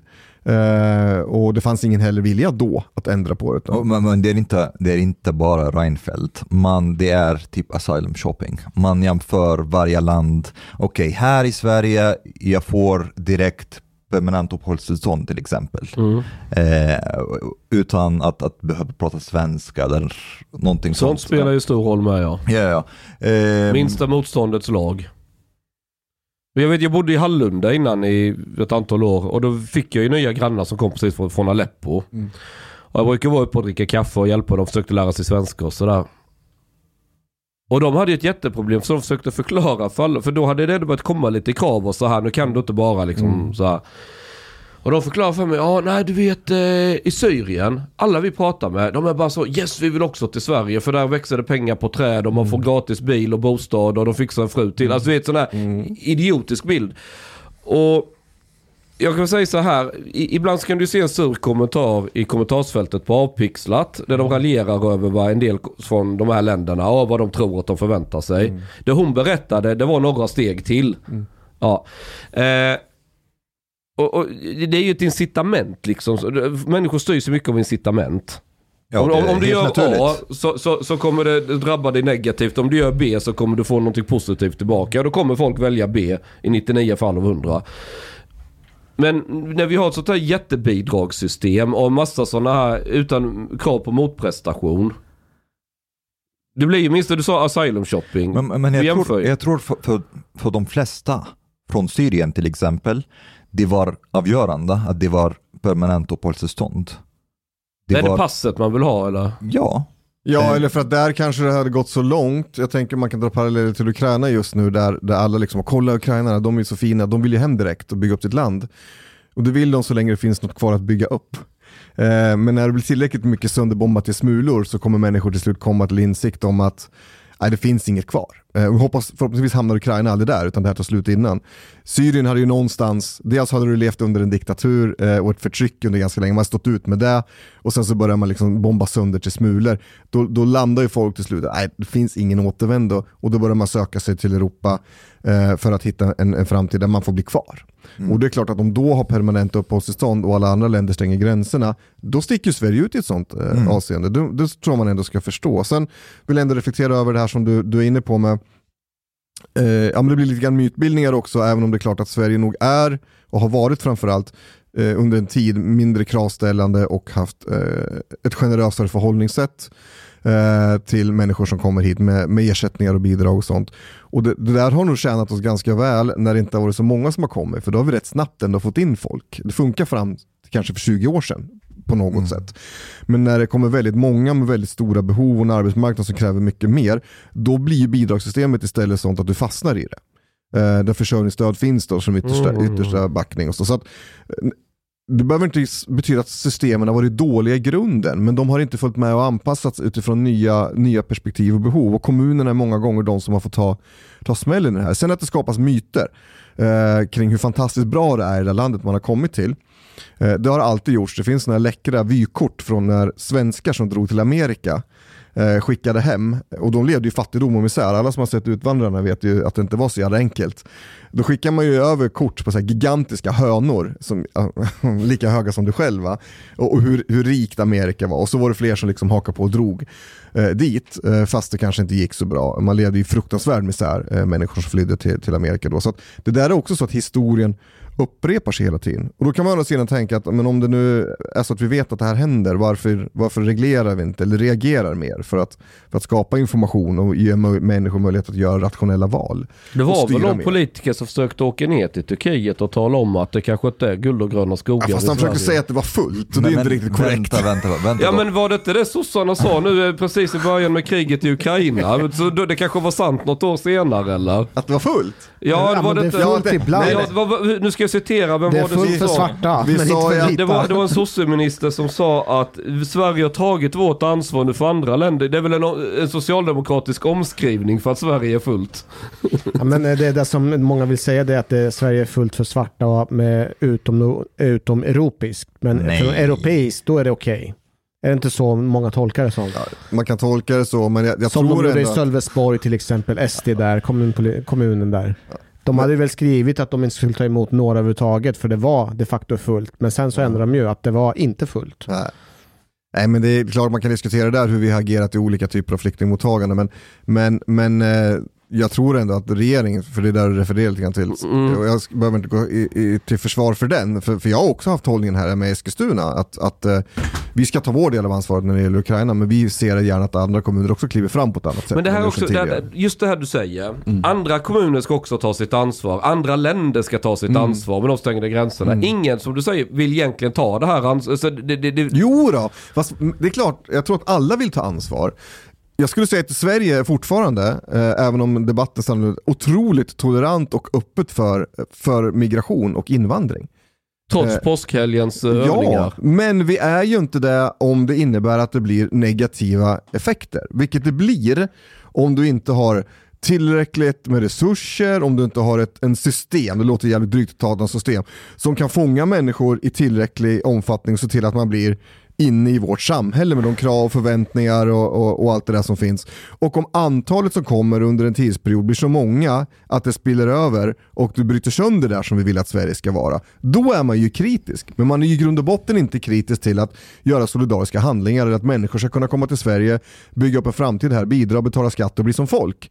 Eh, utan det är när du får den här typen av problematik som ju blir när du får eh, brister i system helt enkelt. Eller att för många kommer till en viss plats och inte fördelas över flera länder Ja, eller flera Det kommuner. här är så många trådar. Libertarianen i mig får lite OCD här. Det, det är direkt så här, det kommer människor och sen bara, ah, vi måste ha system för detta. Förklart. Mer system, mer skattepengar, mer offentlig sektor. Ja, eller organisation. Jag menar, om, om, om vi skulle ställa en bricka på bordet här nu.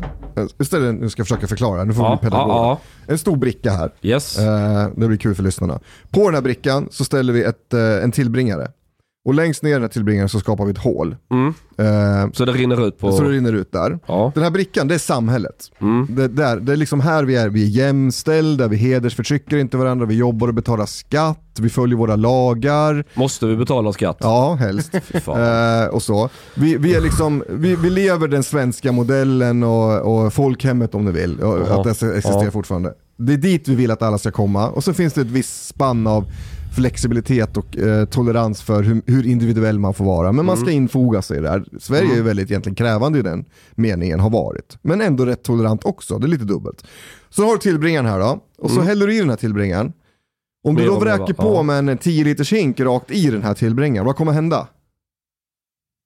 Ja, det rinner över liksom. Så här.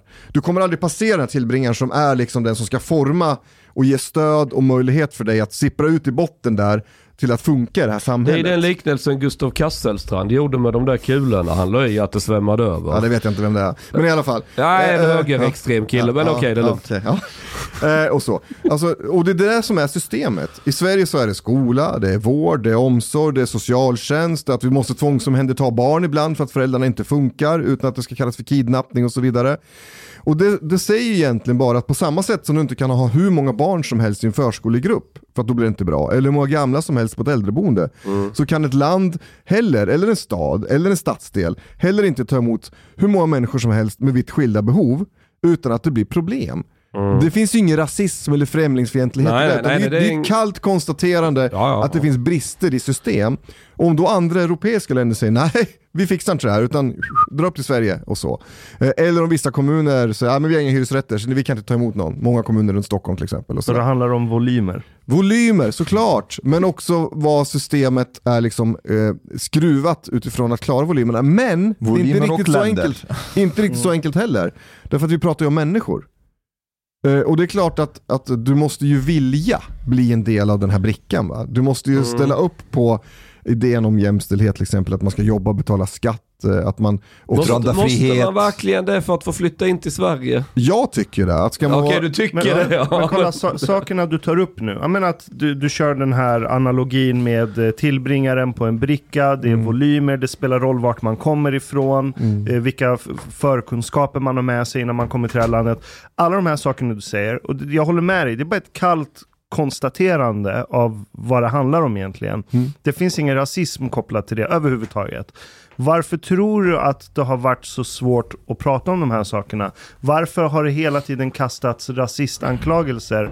Inte minst från eh, ditt eget parti fast på riksnivå då. Inte just Socialdemokraterna i Eskilstuna.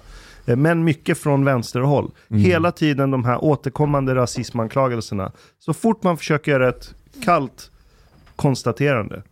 Men jag tänker så här, de politiska krafter som har, och, och, och, och då kan man säga inom socialdemokratin har det funnits ganska mycket kritik och synpunkter eh, rätt länge, eh, alltså ute i samhället. Men det kanske inte riktigt har, har fångats upp liksom nationellt eh, alla gånger.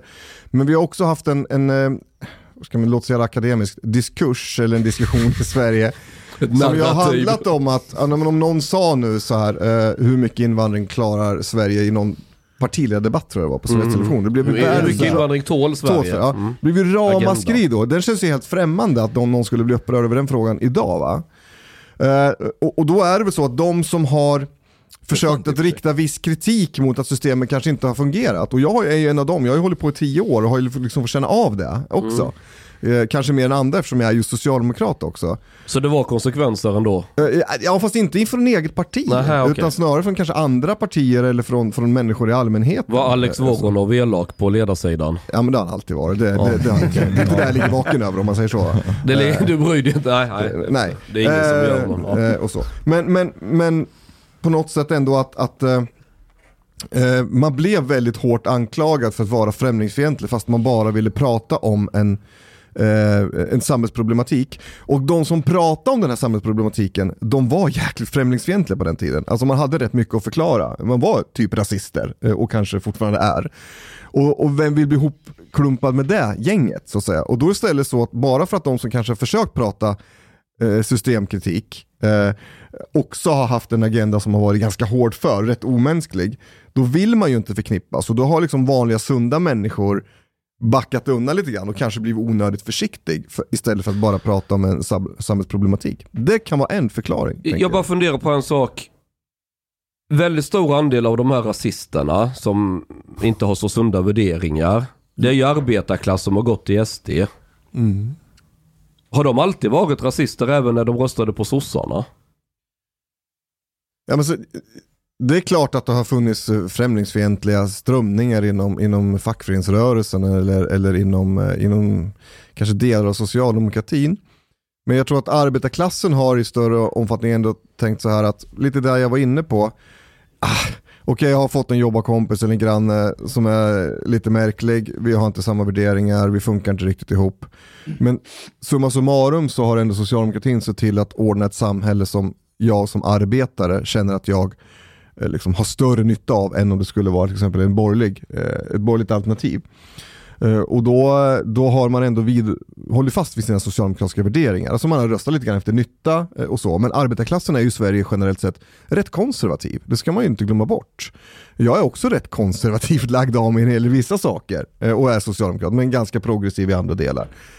Och, och det är väl där kanske socialdemokratin li, li, lite grann gick bort sig eh, tillbaka, att man inte riktigt såg vad som hände. För att när den här arbetaren då som du refererar till eh, inte riktigt ser nyttan längre med att ja, men jag får ett schysst välfärdssamhälle, eh, sjukvården funkar som den ska, ungarna har det bra på förskolan. Man känner att det där bara krackelerar lite grann. Och sen så kanske du byggjobbar byggjobbare och så ramlar det in någon som kommer från ett annat land och försöker att konkurrera ut dina arbetsvillkor med sämre, sämre lön och villkor. Ja men då har den här liksom uppsidan eh, som arbetarrörelsen ändå alltid har stått upp för, då har den börjat krackelera.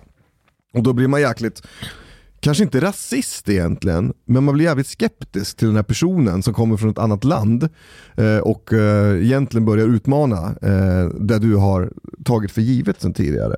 Och i det gror det någon sorts, eh, någon sorts misstänkliggörande. Jag skulle säga att det är ganska få eh, i Sverige som är liksom fullblodsrasister. Eh, jag tror att de är så få så att du kan inte ens räkna ihop det till någon procent eh, egentligen. Eh, även om, om, om en del hävdar annat och så.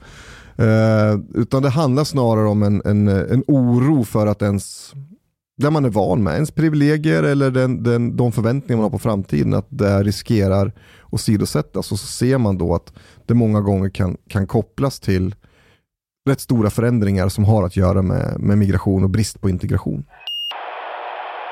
Jag har varit i Eskilstuna flera gånger och föreläst och eh, jag, jag minns väldigt tydligt en föreläsning eh, 2017, tidig februari. Och jag har varit i över 260 kommuner, men den här föreläsningen minns jag som det var igår. Ehm, då är det en föreläsning för kommunen och det handlar om, om ehm, det är massa anställda där från eh, HVB-hem. Så du vet, jag är inte den som drar till stora ord, och, och, utan jag var en vanlig föreläsning där jag förklarade att okej, det här är de ensamkommande, de kommer från de här miljöerna och eh, så här har det gått för vissa i Sverige och man måste tänka på det här och det finns en viss brottslighet. eh, Det är vanlig föreläsning. Och de anställda, de var ju så här, ja tack, äntligen någon som kanske berättar lite mer om vilka de är och, och vilka utmaningar istället för att ja, du vet, alla kommer hit och de är traumatiserade, vi måste vara snälla mot dem. Så men mitt under min föreläsning så blir jag avbruten av den dåvarande kommundirektören Per Eriksson. Eh, han, han slutade sedan 2018. Men han avbröt min föreläsning och sa så här, vad är det du vill egentligen? Vad, vad gör du här egentligen? Vad är ditt budskap till oss i Eskilstuna? Det här låter främlingsfientligt. När var det sa du? 2017, Ja. tidig februari. Eh, och jag minns att de anställda var ju så här, vad är det som händer? Och, och du vet, han är ju inte vem som helst. Han har ju blivit dit med personligen, för att jag tror att han har bara sett mig, typ du vet en afghan. Han är ju... Han är en av oss. Han vet väl. ja. Men det blev en sån bisarr eh, stämning där inne i... i eh, Vad svarade du? Var det Alltså- någon som gick till försvar? Eh, eh, det är klart de gjorde när föreläsningen var slut. Kom de fram till dig pers- personligen och bad om ursäkt för hans beteende? Eh, ja, typ. Och så sa de så här, alltså, han är ju inte på boendena och ser vad vi ser och de utmaningar. Det är ju, Han vet ingenting om invandrare. ja, nej, men, men sen så hade jag en, en lång mailkonversation med, med honom eh, senare. Eh, och så, men han förklarade, han sa att man måste vara mer hoppfull och måste vara mer Postar man det? inkluderande och ge människor hopp. Och då sa jag alltså, jag, jag är inte den som är Jag så är ingen politiker. pessimistisk av mig direkt så. Däremot så försöker jag säga så här, hörni, inga skygglappar, utan eh, det var bara intressant... Ja, ja. ja men nej, jag känner ju Per väl, vi har ju, vi har jobbat ihop och så. Han är ju ofta en, ja, men han är otroligt eh, engagerad i humanistiska Ja, frågor. verkligen. Så jag tror ni kom ni, ni, ni möttes inte där helt enkelt. Nej, vi, vi clashade, vi clashade där. Nej, men jag tror också att förväntningarna var verkligen typ, här, du vet, det, ska vara en sån här pepp-föreläsning om, Ja. nu kommer det många ensamkommande och de är fantastiska och, och du vet, de kommer rädda våra pensioner och det, det, det, Det vanliga ja. det är spännande med, med mångkultur och jag var med så här, äh, var lite försiktiga liksom så här. Ja, ja, spännande. Jag hörde inte någonting om det där faktiskt. Man brukar annars få signaler om, om Okej. eh, men att folk hör av sig liksom, eh, och sådär. Det enda jag hörde var väl möjligtvis från några medarbetare som sa att det hade varit bra. Liksom. Ja men Ja, medarbetarna ja, tyckte ja, att det var, ja, att det var rätt okej. När vi har en sosse här som är, vad heter det nu, borgmästare i den fantastiska staden Eskilstuna. Äran och hjältarnas stad, Bolinde Munktell och, och Kent. Så undrar, vi har ju valrörelse nu ju. Åh fasen. Men det märks knappt. Nej, nej men brukar, det- brukar det märkas så här dags? Ja, vissa år har det varit lite högre temp. Det har inte varit så hög temp än så länge. Men, och så börjar den obligatoriska skitkastningen. Borgarna vill, eh, du kommer svälta ihjäl och bla bla bla. De rika blir rikare och, och borgarna skyller på vänstern att nu kommer de införa rådskommunismen och, och hej och. Det vanliga. Ja. Men, och detta är en kritik, det, det här är någonting som jag har mot alla partier så du kände inte, jo du är sosse du ska känna dig extra träffad för, men och, bortsett från det. Vilket land vill ni ha om 20 år? V- Vart ska Sverige ta vägen? V- vad- vill vi med landet? Bra fråga Chang. Ja. Jag, eh, ska jag svara för hela socialdemokratin och hela landet nu då? Jag är trots allt bara borgmästare. Ja du är superansvarig för Ja, allt vad ja, varje ja. sosse kommer göra i tre generationer Ja, framåt. jag förstår. Tack, jag får njuta av situationen. Nej, men jag tänker att, att eh, vi behöver ju hitta tillbaks på något sätt till, eh, och nu blir jag väldigt mycket Eskilstuna och jag förstår att Eskilstuna är annorlunda än, än Södermalm i Stockholm eller, eller, eller eh, Kiruna. Liksom. Sverige ser väldigt, väldigt olika ut. Det måste vi ändå komma ihåg. Eh, och jag kan bara utgå från min kontext som jag vet att alla inte känner igen sig i. Men, men vi kan inte ha ett land där, där vi inte har någon sorts idé om eh, minsta gemensamma nämnare för hur vi fungerar tillsammans. Eh, Vi behöver inte kalla det för folkhem, det känns lite passé, det var länge sedan. Eh, Men ska man ha en fungerande välfärdsnation eh, där vi också har en, en förmåga att omfördela resurser och skapa jämlikhet, klassiska sossebegrepp. Men, Mm. men, men vi, vi ser ju samtidigt att vi har väl aldrig haft så många dollarmiljardärer i det här landet som vi har idag. Eh, Och samtidigt så, så har vi en socioekonomisk misär i vissa stadsdelar där unga män eh, blir tappade i väldigt ung ålder. Så är du dollarmiljonär eller miljardär? Miljardär, Miljardär. faktiskt. Ja, eh, det har hänt rätt, rätt mycket nu på sista åren. Eh, det där kommer att skapa en omöjlig situation, enorma spänningar. Eh, som, som aldrig kan vara till gagn för ett land. Vi har sett eh, länder med de här stora klyftorna ute i världen förr och vad som händer där. Eh, och, och, och det skulle ju göra att det vi ser i, i Sverige och i Eskilstuna idag bara liksom, i förlängningen är en västanfläkt mot vad som händer i Och hur åtgärdar man det? Det är ännu högre skatter? Nej, det tror jag inte man i första hand behöver göra. Man behöver, man behöver ta ut skatter på ett annorlunda sätt. Men hur ska vi göra de här miljardärerna fattigare? Det är väl det det handlar om? Ja, men det är klart att frågan är ju vid vilken miljard blir du lycklig, tillräckligt lycklig? Efter den 37, 38. Ja, men, eh, och får de, jag flesta, dollar om de räknar. flesta skulle nöja sig med några miljoner. så Får det är jag bara ställa en Ja. fråga? Jag har aldrig riktigt fattat de här eh, som är väldigt rika miljardärerna. Varför är de ett problem? Nej, om, de- om, vi tar här i Stockholm, tänker de mig. inte är det. Eh, jag tänker här i Stockholm, eh, de här dollarmiljardärerna, jag, har- jag vet inte om jag någonsin har sett Nej. någon, den rikaste personen jag känner är Chang, men eh, de bor väl antagligen i Lidingö, Djursholm eller vad allt det. De har ju inte jag någonting med att göra. Nej. De är en annan värld och jag lever i min värld. Så hur kommer de in i det här kontexten när man ska föra en Men diskussion? de, de är inte ett problem i den bemärkelsen därför att de flesta av de här tillgångarna är liksom bundna i företag eller, eller i, liksom, i De är till- duktiga i på att tillgångar. allokera kapital och Ja, använda det på och så, så det är liksom inte cash det handlar om på det sättet. Men man kan inte ha en fortsatt utveckling där samhället glider isär, det är det jag försöker säga.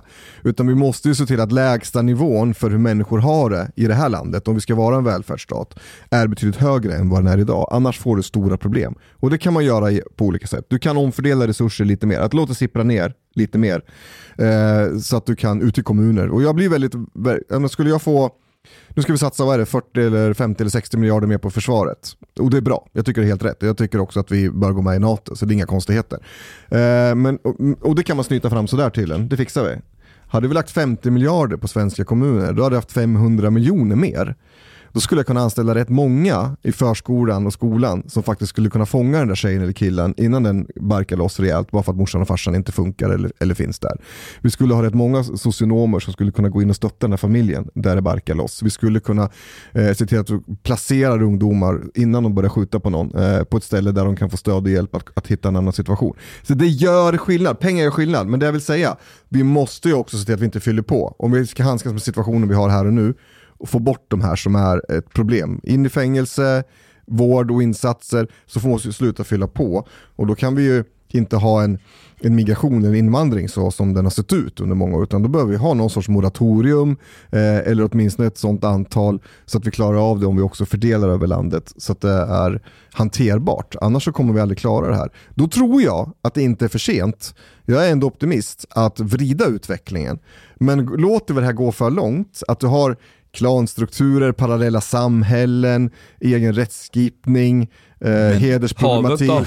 Jo, vi har det redan, men om det får fortsätta att växa utan att vi ingriper med kraft, då kommer det få sådana proportioner att inget demokratiskt samhälle kommer rå på det. Jag, jag måste det säga att jag, jag blir väldigt provocerad av... Eh, jag, jag håller till stor del med om din diagnos Mm. och vad som har hänt och att ja, det finns resursbrist. Mm. Eh, men jag blir provocerad av att det inleds med dollarmiljardärer. Eh, för jag tänker att det är inte så att det finns lite pengar att röra sig med i den svenska statskassan varje år. Eh, snarare att de pengarna läggs på saker som vi kanske inte borde spendera skattepengar på. Mm. Så eh, eh, innan man går på dollarmiljardärerna och säger ni tjänar för mycket, vi behöver mer av era pengar för att kunna lösa våra problem. Borde man inte städa rent i eget hus? Det vill säga själva staten kollar vad fan gör vi med de här pengarna? Men det ena utesluter ju inte det andra. Jag tror man måste göra båda. Det är klart att man måste ha en idé om hur, eh, hur, hur mycket ska vi låta klyftorna växa och då måste man både fundera på liksom golvet, hur, hur fattig ska man få vara i Sverige och taket, hur mycket pengar behöver man utan att liksom återinvestera i vårt eget land. Alltså jag vill ju att vi skapar incitament och möjligheter för de här miljardärerna om de satsar pengarna i Sverige på svenska jobb, på svensk innovationsteknik, på svensk välfärd, då är det jättebra. Men om man skickar pengarna någon annanstans eller inte liksom bygger vårt land, ja, men då, man, då tycker jag man inte är lojal mot Sverige. Så där kan man ha en, en viktig principiell diskussion tycker jag. Samtidigt måste man naturligtvis alltid ifrågasätta vad gör vi med de resurser vi har till vårt förfogande. Jag är helt övertygad om att vi inte behöver höja skatterna eh, särskilt mycket alls utan att det finns jättemycket ifrågasättande man kan göra. Jimmy, jag är lite nyfiken på, Ja. du har ju å ena sidan ställt diagnosen på att vi har en typ av eh, en typ av flyktingar som är väldigt behov av hjälp. Eh, de eh, knappt så att de kan läsa och skriva. Mm. Menar du på att extra resurser kommer göra så att de här personerna kommer komma i arbete? En del, alltså det, det finns ju en en vilja och en driv och ett, ett engagemang hos en del. Jag, menar, jag träffar de här människorna dagligdags. Eh, Det är mitt jobb att vara ute i verksamheter och se vad som händer och sker. Där man fortfarande inget annat hellre vill än att jobba. Man vill skaffa sig eh, ett alfabet, man vill kunna läsa, skriva, räkna, kliva in i, i samhället och, och börja arbeta. Det finns jättemånga som vill det, men det är inte alltid man har kapaciteten. Där är det ju såklart eh, en, en resursfråga. Men sen är ju frågan om man kommer att orka och kunna gå hela vägen. För var det inte i Filipstad som kommunen gjorde en analys att det är, det är dödslopp? Alltså det, det är helt kört för att en del av de här som är här, det är ingen idé att satsa några pengar Ja, överhuvudtaget. men det finns också en sån målgrupp och, och, och det kan låta lite uppgivet att säga det, men vi har ju också gjort en sån selektering i Eskilstuna. Där vi har ett bra koll på de 7000 som är arbetslösa. Där det finns en kategori där vi kan konstatera att ja, här kan vi lägga hur mycket resurser som helst. Och det kommer inte hända kommer någonting. aldrig hända Nej. någonting. Vad- Och så- vad- vad vad, är den, ja, vad är den kategorin? det, kan vara, det kan vara äldre personer, det kan vara kvinnor, man kan ha eh, tunga funktionsnedsättningar i form av krigsskador, ja, men ni förstår, liksom, psykisk ohälsa som är extremt omfattande. Och Men så. om vi ska och, och, prata- den har ju inte bara liksom med att man är invandrare att göra, utan den finns i alla sorter där. Men där handlar det om att liksom skapa någon sorts anständigt liv Men låt sätt. oss säga en person som kommer hit till Sverige och inte kan läsa och skriva eh, och har inte gjort det eh, i, i hela sitt liv. Jag tror att vi har siffror på i vårt område att det är 20, ja, jag, jag sparar på det för den Mm. låter helt sjukt. Mm. Men det finns 20% som inte har den kapaciteten. Eh, hur ska ni jobba med dem? Ja, det är en grannlaga det beror på uppgift. också hur Ja. gammal den personen är. Nej, inte bara hur gammal, om de är 30 år. Mm. Om de är, så, så här, Det är vänta, vänta, vänta. Ja, ja, det är vänta. För det första att om du, är, typ, du kommer hit i vuxen ålder, sen om du ser att du lever i en förhållande, en kultur där du har de traditionella värderingarna att kvinnan ska vara i hemmet och ta hand om barnen. Alltså att man, man kommer aldrig lära sig språket och inte kan läsa och skriva. Hur kommer de socialdemokratiska pengarna på extra socionomer, extra lärare, fältassistenter hjälpa den här familjen? Mm. Nej, men jag tror det hänger ihop med flera delar. Det, mycket av de här resurserna de finns ju redan. Men vi har de här människorna inne i vår SFI till exempel. Sen är frågan hur många år man kommer behöva gå SFI. Eh, och där har vi en idé om att man ska klara det på en viss tid och så gör man inte det. Så går man, får man gå om och så får man gå om och så får man gå om och så. Så där har den här problematiken, hur ska vi lyckas med det? Det man behöver göra tror jag, det är att vända på det, vad händer om vi skiter i det då? Vi bara, äh, vi låter det vara. De får, de får ta hand om sina ungar och lösa det här på bästa sätt. Tror ni vi kommer fler, få fler eller färre som skjuter på varandra om tio år? Jag tror vi kommer få färre. För att, Därför att när människor tvingas ta tag i sitt liv och inte samhället håller dem upp över armarna, då brukar folk också bli lite mer ansvarstagande. Om du då är en ensamstående morsa med åtta ungar, du har tappat tre av grabbarna som redan är ute och... Då kommer och, det då komma till insikt att vi ska nog inte skaffa fler ungar. Nej, det kommer du komma Det till kommer om. komma. Och sen, eh, nej, där, i det läget är det kanske lite småkört, men de ungarna i sin tur. En del av dem kommer säkert börja upptäcka att fan, om jag gör så här så kommer jag också bli skjuten. Och då är det Nej, det är naturligt. inte så det Fast det vet de, att de kommer bli skjutna. De har ju redan bestämt sig. Ja. Jag blir inte Ja, ja, ja, 20 ja, jag men blir då, inte är de än 25. förtappade. Det är Ja, med i ja, låt dem kalkylen. skjuta varandra. Ja. Men, men, Ja. men, Det är det men som är skit- i det, Eller någon det. annan. De skjuter någon annan Skit i som det. inte ska Men bli det, finns många, det finns också, nu är det jag som låter som optimisten här, men bl- bland de här kidsen i förorterna och vad det är. Chang har gjort enkätundersökning. Han Nej, jag har inte gjort enkätundersökning. Men jag har, jag har snackat med väldigt många när jag bodde i Hallunda. Häromdagen så var den killen fantastisk. Han var med liksom i Original Gangsters och var riktigt illa ute. Och hamnade i finkan. Och sen fullständigt ändrat hela livet. Och sådana där människor finns också. Det kommer börja sorteras ut efter ett tag. Men ju mer ansvar en individ får själv. Ju, mer, ju snabbare kommer det här börja triggas igång. Fast det är det vi har gjort. Vi har ju släppt de här vind för våg. Vi har ju släppt de här familjerna. Ja, men ta hand om dina åtta ungar. Bo i den här stadsdelen utan Och hur har de arbete. finansierat det boendet? Ja, försörjningsstöd delvis, Mm. men eh, också genom att ens ungar Flerbarnstillägg, Ja, bostadsbidrag och så fortsätter vi och så fortsätter Men också att ens ungar kommer hem och levererar knarkpengar för att fylla ut också. Men, men Jimmy, på, så att, eh, det är inte riktigt så enkelt. Och, och, och framförallt så tror jag man måste vara, om man ska köra den vägen, Mm. då får man vara beredd- på att det blir riktigt stökigt, riktigt Ja. blodigt, riktigt jobbigt ett tag. Och är, är, vi- Så är du vi kan beredda ha att betala rätt det? Chang, men det kommer vara en lång period där det kommer vara ganska stökig. Och hur, det skil, inte och hur skiljer det sig Nej, från nej, nej, idag? nej, nej, nej, det finns, det finns grader i helvetet Ja. också. Nej, Och- det, Ja, nej, det kommer vara kunna- många som, eh, som eh, definitivt inte ska drabbas av det här eller valt som ska komma ihåg de här stadsdelarna där det mesta sker så är ju 90% vill ju bara ha lugn och ro liksom. Eh, Jo, jo, så är det. Och det är 10% som, som skapar ett, ett smärre helvete. Ja, ja. Men Och det, på, det har man ju också ett ansvar för att hålla sig till. på tal om att vrida utvecklingen. Eh, jag har läst att ni verkar ha ett problem med eh, skolfrånvaro i Eskilstuna. Ja, alltså det är väl generellt ett problem, men samtidigt så du, jag tror jag hör- hörde på nyheterna igår så var det ett Mm. reportage om det. Och så. Samtidigt har vi otroligt positiv utveckling på betygsstatistiken, eh, statistiken. alltså det går åt rätt håll. Mm. Men det finns en viss grupp som är svår att, eh, att nå. Den bottnar ju väldigt ofta i ja, men socioekonomiska problem eh, och hur det ser ut många hemma. har ju utländsk bakgrund och det verkar som att de har väldigt mycket eh, oanmäld frånvaro i samband med att föräldrarna åker till hemlandet en period och är borta och man värdesätter inte Nej, studier. Får inte stöd från hemmet. Nej, till så att man exempel. kan vara borta Mm. lång tid Ja. från skolan och då kommer man inte kunna... Till exempel eh, i en skola från höstterminen eh, 2021 till och med slutet av mars var 98 av skolans cirka eh, fy- 460 30% elever ungefär. borta 30% eller mer av sin skoltid. Oj. Av dem var mer än hälften borta 50% procent eller mer. Mm. Men det finns skolplikt, så vad händer där? Nej, men, och det är ju som sades i reportaget, eftersom det är en skolplikt och Sverige är väldigt tydligt med du har ju som förälder ett jätteansvar, alltså till Ja. att dina barn går i skolan. Men om du som förälder inte ens själv har en utbildning, eller vet värdet av utbildning, hur ska du då kunna ge dina barn det perspektivet? Eller om ditt barn ägnar sig åt saker som gör att du kan slita hem några extra tusen lappar för att du krängt lite knark som gör att man får lite bättre familjeekonomi. Eh, för det är faktiskt det som händer många gånger. Då, då är det inte säkert att man som förälder driver på jättehårt. Men finns det konsekvenser, och, konsekvenser för Det är polishämtning och annat som, som sker. Eh, men, Okej. men det går ju inte att tvinga någon. Eh, om du inte har föräldrarna med. Alltså, vi har mycket plikter, ja, många pratar om plikter, men det finns inga sanktioner. Vad ska Det, du göra? det finns en grej tror jag som vi Jo, har gjort i, i våran skola.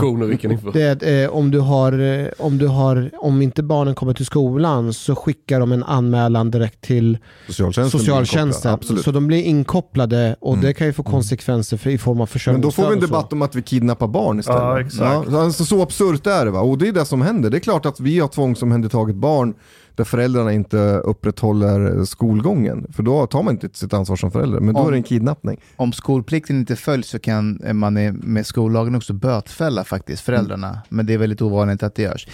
Men, Varför? Men, men, eh, Ja, varför? Jo, därför att eh, Hamid Safar har pratat om det här tidigare och han sa det att han försökte im- im- implementera det här i, i Göteborg eh, och, och sa så här, hörni, de kommer inte till skolan, så här, här har vi stöd. Ja. Men responsen blev att det här är en redan utsatt grupp och om vi ger dem böter så blir de dubbelt utsatta. This is bullshit. Och det var det han sa. Det var det han sa. Han sa, ni förstår inte, det här är ett språk man förstår. Pengar är ett språk man förstår. På gymnasiesidan praktiseras ju det där på ett annat sätt. För det svider rätt hårt i vissa familjer när eh, eh, ungdomarnas eh, CSN. studiebidrag och CSN försvinner. Då, den brukar funka som morot att få uh, ungarna åtminstone gå till skolan. Sen om man lär sig någonting, det är någonting helt annat. Vi ska inte glömma bort det här perspektivet. Ibland är det så att en del av de här eleverna, de kanske kommer till klassrummet, men gör de det bättre eller sämre för sig själva och sina klasskamrater. Så Men är kan man inte göra så. som på högskolan, villkorade? Att vid högskolan så måste du ju ta ett antal poäng, annars blir du av med din CSN. Du måste ja, visa alltså, det funkar ju så i gymnasiet delvis, att du måste ju leverera eh, för att få behålla den här Men grundskolan är ju inte, den är inte konstruerad på det sättet. I och med att det är Nej, då får vi ändra på det då. Ja, om jag backar tillbaka till det här med eh, de här familjerna. ehm, att, alltså att det blir, om man tittar på SFI-statistik till exempel, så tror för något år sedan såg jag att de som inte har en grundskoleutbildning, eh, där är 90% som, hop- som hoppar av eller inte blir godkända i SFI. Mm. Eh, och de som har en 13-årig utbildning, där är 50% som inte godkänns. Och jag förstår att inom liksom socialdemokratin så finns det en, alltså det finns en bildningshistoria med ABF och så att man, man bildar sig och, och börjar arbeta. Men om det inte fungerar, skulle man kunna tänka lite utanför boxen att men, nu har vi 1,3 miljoner människor som inte försörjer sig själva enligt senaste eh, siffror. Om man gör så att de till exempel börjar jobba utanför kollektivavtal, för att kunna förs eh, förtjäna försörjningsstöden de får. Så att de till exempel går och städar i parker, hjälper i förskolor, eh, plockar tuggummi, ser till att det är ordning och reda i området. Lite blir- lönedumpning sådär ja. blir, blir en, en, en länk mellan hyresvärden och fastighetsägarna så att de här fyra miljonerna som försörjer eh, de här 1,4 1,3 s- som inte bidrar till kassan säger så här, ah, okej men de verkar ändå göra någonting så vi kan väl fortsätta och liksom eh, försörja det här. Eh, Skulle det Nej, kunna men vara jag, en jag idé? tror att du tänker klokt och, och egentligen, för jag har fortfarande inte svarat färdigt på min förs- första fråga. Den Det som brukar man inte få göra här. Nej, jag förstår. Okej, bra. Ja, men bara så vi får lite ordning och reda här på bordet tänker jag. Eh, och så. Du, vi fastnar med dollarmiljardärerna, vilket ju inte var min huvudtes alls egentligen. Utan, utan, Du provocerar eh, men, Ja, men, ja den, den provocerar tydligen. Men det är kul. Men, nej, men, men grejen, vad, vad, vad, vill, vad ska vi göra? Och jag, menar, jag ser ju en socialdemokrati som är i ganska kraftig omprövning. Eh, och jag skulle säga att en, en, en, grundproblemet för Sverige, och det gäller egentligen alla partier i största allmänhet, har nog varit att vi har tänkt så här, men Sverige är så jävla bra. Vi har fina värderingar, vi har en välfärdsstat värd namnet, vi har inga jordbävningar, vi har ren luft att andas. Allt det är otroligt bra här. Så bra så att så fort någon behöver fly någonstans ifrån, då söker man sig till Sverige. Så här. Lite vår självbild va. Um, och då har man ju också tänkt att om, om någon nu flyr till det här fantastiska landet så är man ju bra dum i huvudet om man inte vill bli svensk så fort som möjligt, eller hur? Vem Ja, men det är den här sjuka, Ja, ja, tror men, att alla ja, ja, vill ja, ja, men om man då, det har nog funnits en liten sån bild av oss. Och den har dessutom kanske till och med funkat ett tag. För att folk har sett till att bli typ tillräckligt svenska i alla fall. Även finnarna och italienarna och Jugoslavien. För att det ska funka. Och man har dessutom haft ett jobb klart. Och iranierna. Och iranierna ska vi inte snacka. Absolut. Det var viktigt att få in. Eh, nej men, eh, man kan skoja om det, men, men eh, de jag känner som är från Iran har integrerat sig otroligt väl. De är de största påhejarna av mina tankar, och åsikter, många gånger. Jag tackar å Ja. mitt folks vägnar. Ja. Som en jävla tjat. Okej, får jag fortsätta? Från monarken. Nej, men, om vi säger att den här bilden stämmer då, att, att vi har nog trott att eh, ja, men alla som kommer hit kommer snabbt som attan anamma det som är det svenska. Eh, och så tillräckligt mycket för att funka. Eh, och det har funkat för många, men inte för tillräckligt många. Och så får vi de här, de här problemen. Och om socialdemokratin är en del av Sverige, rimligtvis då, så har det nog funnits en sån bild också. Men det görs ju en omprövning där också. Jag tänker att man kan lyssna på Magdalena Anderssons anförande om det vald som partiordförande. Hon säger egentligen det du Mustafa beskriver eh, rätt tydligt i, i sitt anförande. Eh, jag la en motion till partikongressen, jag var inte där och röstade, men den, den gick igenom tillsammans med ett antal andra som vi hade formulerat. Och den beskriver i princip, vi har ett behov av 300 000 beredskapsjobb. Eh, det vill säga eh, motprestationsjobb då, som du beskriver. Gräva diken, eh, hålla rent och snyggt, göra någon sorts samhällsinsats för att förtjäna eh, försörjningsstödet. Eh, eller vad du nu kan kalla det för. Eh, så att jag tror att vi är på väg i en sån riktning för att liksom, åstadkomma någon sorts ordning i det som har skapats och hitta tillbaks till vägen igen som handlar just om det här med motprestationer. Att det blir, Men, men, men, I min kommun sitter vi och pratar nu och ska införa aktivitetsplikt exempel. men är det inte lite som att skapa jobb som inte behövs eller? Vadå inte behövs? Det behövs ju. Det behövs ordning och reda. Om det behövs inte nu. Men man kan väl också tänka så här, samtidigt så är det ju mycket som idag inte blir gjort som, eller som, som förr blev gjort. Jag menar, gå ut och titta här i Stockholm, jag, jag skulle kunna ha synpunkter på, och det finns jag med minst, varför växer det liksom maskrosor i gatstenen? Eller, Är det det största problemet vi har? nej, det det finns större problem. Nej men- men det är som det Omar säger, att det är, jobb, jobs det är så jobb som inte needed. Men behövs alternativet är ju att vara hemma i, i sin eh, isolerade miljö. Du har inte språk, du har inga nätverk, du får inte lära dig vad svenska samhället är, du kan inte ge dina unga verktyg att bli som folk. Mindre bolag Eh, kanske? Du har ingen koppling mellan arbetsinsats och inkomst. Eh, du är inte på väg någonstans, du står och stampar eh, och kanske till och med går bakåt. Och att dina barn ska inte se dig när de går upp på morgonen. De ska se sina föräldrar gå till fucking jobbet. Även om det är något, Och vara något trött på slags- kvällen för att man har Ja. gjort någonting. Det är inte så att man ska jobba med att ta bort maskrosor hela sitt liv, men det måste ju vara en del av att Det man finns är ju andra blommor Är det därifrån det kommer att- att uttrycket man är på- maskrosbarn Ja, kommer? kanske. Att man är på väg någonstans som en del av en helhet. Idag har vi gjort så att efter insatser med SFI och annat så har vi ju släppt människor. Så har man varit ensamstående mamma med åtta barn och så har man tappat ett par av ungarna. Det duger inte, vi kan ju inte släppa människor utan du måste ju hålla i fram tills man står på egna ben och levererar där vi förväntar oss av varandra. Apropå ämnet med sossar som vill utrota maskrosor så kommer jag os- osökt in på Miljöpartiet. Eh, och, och det var en frågeställning innan. Du sa något om dollarmiljardärerna. Mm. Att om de tar sitt kapital och schappar till ett annat land, Mm. då sviker de eller de är förrädare. Eller det var... Ja men man ställer ju inte upp för Sverige då, man kan göra mycket mer för Sverige, det är min tes. Men då har jag en Mm. fråga. När de här miljardärerna inte får fortsätta bryta cement på Gotland, när de inte kan öppna en gruva i Norrland och skapa nya jobb eller någon annan fabrik man vill ha någonstans för det finns inte el eller något Mm. annat man har sjabblat bort. Har inte politiken svikit miljardärerna då? Jo men det är ju rimligt att, eh, att vi måste skapa förutsättningar för att man ska, ska kunna investera i Sverige, så absolut, det hänger ihop.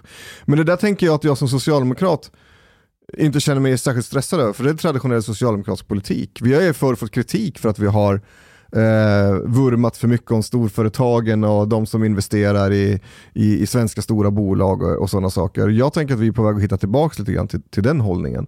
För, Och det är jag rätt stolt för, Vi har ju så. andra änden, vi har en massa människor vi vill på något sätt börja få dem att göra någon slags nytta. Mm. Samtidigt har vi peng människor med jättemycket pengar. De vill öppna gruvor i Norrland, de vill bryta cement, vi behöver bygga mer för det är bostadsbrist. Det behövs en jävla massa grejer. Jag ser en liten du, matchning du här. hittar ju ingen sosse som säger något annat. Kolle, Men Kolle har ju fått Men jättemycket ni, skit för att sosse, Ni har ju total kontroll över hela jävla staten. Varenda tjänsteman, allting sitter ju i, i, i och styrs av er. Jag, att jag som jude ska behöva anklaga andra för att styra allting i kulisserna. Men, men och, och då tänker jag liksom det, det är ju ni, ni har ju haft regeringsinnehavet när, när de försöker söka gruvtillstånd, när det blir kris på Cementa och allt det här. Ja. Hur, hur är det Nej, socialdemokratiskt? men jag tror man överskattar en regerings makt och inflytande, eller ett enskilt, makt, enskilt partis makt och inflytande. Det, där kan, det där kan bekymra mig lite grann. Ni behöver mer makt alltså? Eh, ja, absolut. Men alltså, det- man- förklara. säkert önskvärt, men det finns ju liksom lagar och det finns ju ordning och reda och man får inte Och vem har stiftat dem? Ja men det har ju partier gjort, men det är inte alltid bara socialdemokratin. Eh, det finns ju andra regeringskonstellationer. Jimmy, kan inte du fram- köra en eh, pedagogisk grundkurs för Ja, vi kan, Jag, försöker, jag försöker nu. hetsa igång honom, Ja, sabba inte det här Jag är svårhetsad, men det går säkert om man trycker på rätt Ja, knappar. ja, Nej, men men grej, grejen är den att, att det är klart att en del är ju liksom självförvållat i någon sorts eh, naivitet av flera olika regeringar där man har gjort det för svårt att bedriva näringsliv, näringsverksamhet i Sverige och det är klart att det skadar vår, Eh, vår självständighet och vår förmåga och vår robusthet och så. Det tror jag många kommer till insikt över att det där, det där duger liksom inte. Eh, så det är nog själva saker som sker. Men jag tycker inte man kan lasta man kan inte lasta socialdemokratin för allting, eh, vilket jag ibland kan tycka att man gör i, i den allmänna debatten. Det var ju Alltså, ni so- som tog in Miljöpartiet i regeringen. Jo, förvisso, men det var till exempel eh, Alliansen som gjorde upp om migrationspolitiken med Miljöpartiet och så, och så får Socialdemokraterna skit för att den är extremt Jag har näthatat alliansen också. Ja, jag, bra, då är det, jämställt då är det här. rättvist och så. Ja. Men det blir ju ofta den som sitter på regeringsmakten som får, liksom få klä skott för allt eh, som görs. Och det är väl priset man får betala för något. Men det är ofta mer komplext än så. Mm. Och saker växer ibland fram fram i all välmening. Beslut som tas för 10, 15, 20 år sedan man inte kan se om man inte är liksom, eh, expert nu då, eh, och sitter på sociala medier och kan allt eh, om allt så, så, skulle, så kan man lätt säga ja men kolla, fan att ni tog det här beslutet och så blir det på det här sättet. Men, men det låter lite jobbigt dock. Det är skitjobbigt. Släpp makten då. Eh, nej då, men man måste ändå... Man En måste, sosse släppa makt. det händer inte. Eh, Då kan, man, inte- då, kan man inte då kan man ju inte göra någonting. Det är inte bättre. Det är bättre att kunna göra lite än ingenting alls. Eh. Nej, men man måste vara ärlig och, och erkänna komplexiteten. Sen är det ju faktiskt så att, att eh, vi har väl inte haft en, en socialdemokratisk majoritet i Sveriges riksdag på hur många år då? Utan man är ju beroende av andra partier och det kommer, eh, det kommer Moderaterna eller Sverigedemokraterna också vara. Att man är beroende av andra partier. Så länge vi har det, det system som vi har där du inte har enmansvalkretsar och liksom the winner takes it all. Det, då är det som det är, då är det kompromisser som gäller, på gott och ont. Chang, får jag fråga, eh, fråga en fråga? Men när Jimmy pratar som han, han gör och han förklarar att det, liksom, det är inte socialdemokratin ensam utan man är be beroende av andra partier, man kompromissar. Det fattar ju du. Ja. Men ändå så kör du så här enkel retorik om att det Därför är Socialdemokraternas fel alltihopa. Därför att, därför att det är den enkla retorik vi hör från regeringsföreträdare när de ska kasta skit tillbaka på andra. Det är, det, politisk debatt har ju väldigt lite med verkligheten att göra. Men du erkänner själv att du är medveten om problemet, att det är komplext, men du förenklar det för det låter bra Vi för din inte egen skull. politiker, vi ska ha Patreons och, och, och bara leverera underhållning och one-liners. Vad fan, du låter som värre än socialdemokrat. Ja, ja, ja, jag fattar hur det funkar. Ja, det är inte lätt. Jag har en fråga. Mm. Har Paludan ansökt om tillstånd att bränna Koranen i Eskilstuna? Jag vet faktiskt inte. Bävar du inför en sån eh, take? Men, alltså, gre- grejen är att jag, jag uppskattar ju aldrig när någon försöker slå sönder stan. Eh. Nej men skulle Eh, du lägga skulden på Paludan eller de som kastar Nej, sten? det är de som slår sönder stan. Jag har ju varit tydlig med att jag, jag värnar svensk eh, yttrandefrihet. Eh, man, ska, man ska kunna eh, tycka och tänka i princip vad man vill och, och går man över gränsen då prövas det efteråt sen. Alltså hetsar man mot folk i sitt tal under tiden man har ett tillstånd, ja men då får det prövas i rättslig ordning efteråt. Det är så det är tänkt att det ska fungera. Och det tycker jag är otroligt viktigt att man också står, står upp för hela vägen. All, Tack. kritik, all kritik ska ju riktas mot de som, som är liksom våldsverkare och som, som agerar i det här läget. Sen kan jag väl ändå tycka att när man söker ett tillstånd så ska det ju prövas om, om polisen kan säkerställa att det inte blir ett jävelskap i det här läget. Jag visste det skulle vara men. Ja, ja, exakt. Yttrandefrihet Och- och- men. och- nej då, men och, och risken Jo. är då att, att det börjar, börjar slå sönder saker och ting. Ja, då får man ju fundera på, är den här platsen eller tidpunkten för tillståndet den bästa? Så Men vi ska man- villkora det Nej men att man, nej fast då är det inte utifrån ett värderings och åsiktsmässigt perspektiv utan då är det för att kunna sä- säkerställa människors Ja, trygghet och Jo men du säkerhet. anpassar det utifrån våldsverkarna. Om man har inte kapacitet att Nej värna men om om polisen inte kan, kan, man kan inte skydda människor då, Då har måste vi man för ändå- lite poliser. Ja, precis. Men om man då just nu har för lite poliser, då kanske man ska få göra sin röst hörd om en vecka eller om eh, man dagen inte ett- efter. en- Men att man alltid ska få en chans att, Jag, jag att ser ett mönster tänka. här. För eh, det vi har pratat om, det handlar ju i grund och botten om att vi har haft för stor volym av invandring från, av för många människor som inte ens haft en minsta chans på pappret att klara sig i kunskapsnationen Sverige. Och så har vi fått etniska enklaver där vi har parallellsamhällen och parallella värderingar och parallella kulturer som existerar utanför den svenska majoritetskulturen. Och sen ser vi också att eh, det finns en politisk drivkraft i att spela på rasism. Så fort någonting ska göras för att lösa de här problemen vi har skapat för oss själva. Eh, och och, och, och de, de anspelningarna har ju varit, det, det känner vi alla till. Eh, och vi har till och med ett parti nu som har bildats, partiet Nyans, vars kärna egentligen bygger på islamofobi. Så de har bara paketerat om hela den här offermentaliteten som gör anspel på rasism. Eh, och så försöker de ta, komma in i riksdagen på det. Och samtidigt som allt det här sker så ser vi protester från nämnd etniska enklaver om att socialen kidnappar våra barn. Eh, och när, när eh, en Paludan försöker visa att det inte går att ja, men demonstrera på vilket sätt man vill i det här landet så kommer samma etniska enklaver och försöker mörda poliser basically. Och så pratar vi om, okej vad är det vi måste göra? Och så sitter vi nu och pratar om att, ja men beredskapsjobb. Det kan vara ett bra ställe att börja på. Att de människorna som är utanför sätts i något sorts arbete så att man känner att okej, eh, jag är okej med att försörja dem för de städar ändå, liksom Det är fixar... svårare att springa och spöa poliser om man står med röjsåg i handen i en skogsdunge någonstans. Fast det kan ju Sant, vara men- att man använder röjsågen till att mörda polis. Men, men vänta, vänta.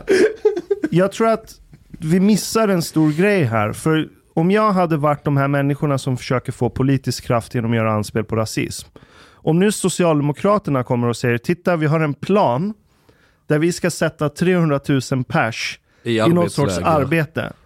Kommer inte samma människor nu som, har, eh, som säger att staten kidnappar deras barn, att kolla staten sätter invandrare från Mellanöstern och delar av Afrika i arbetsläger.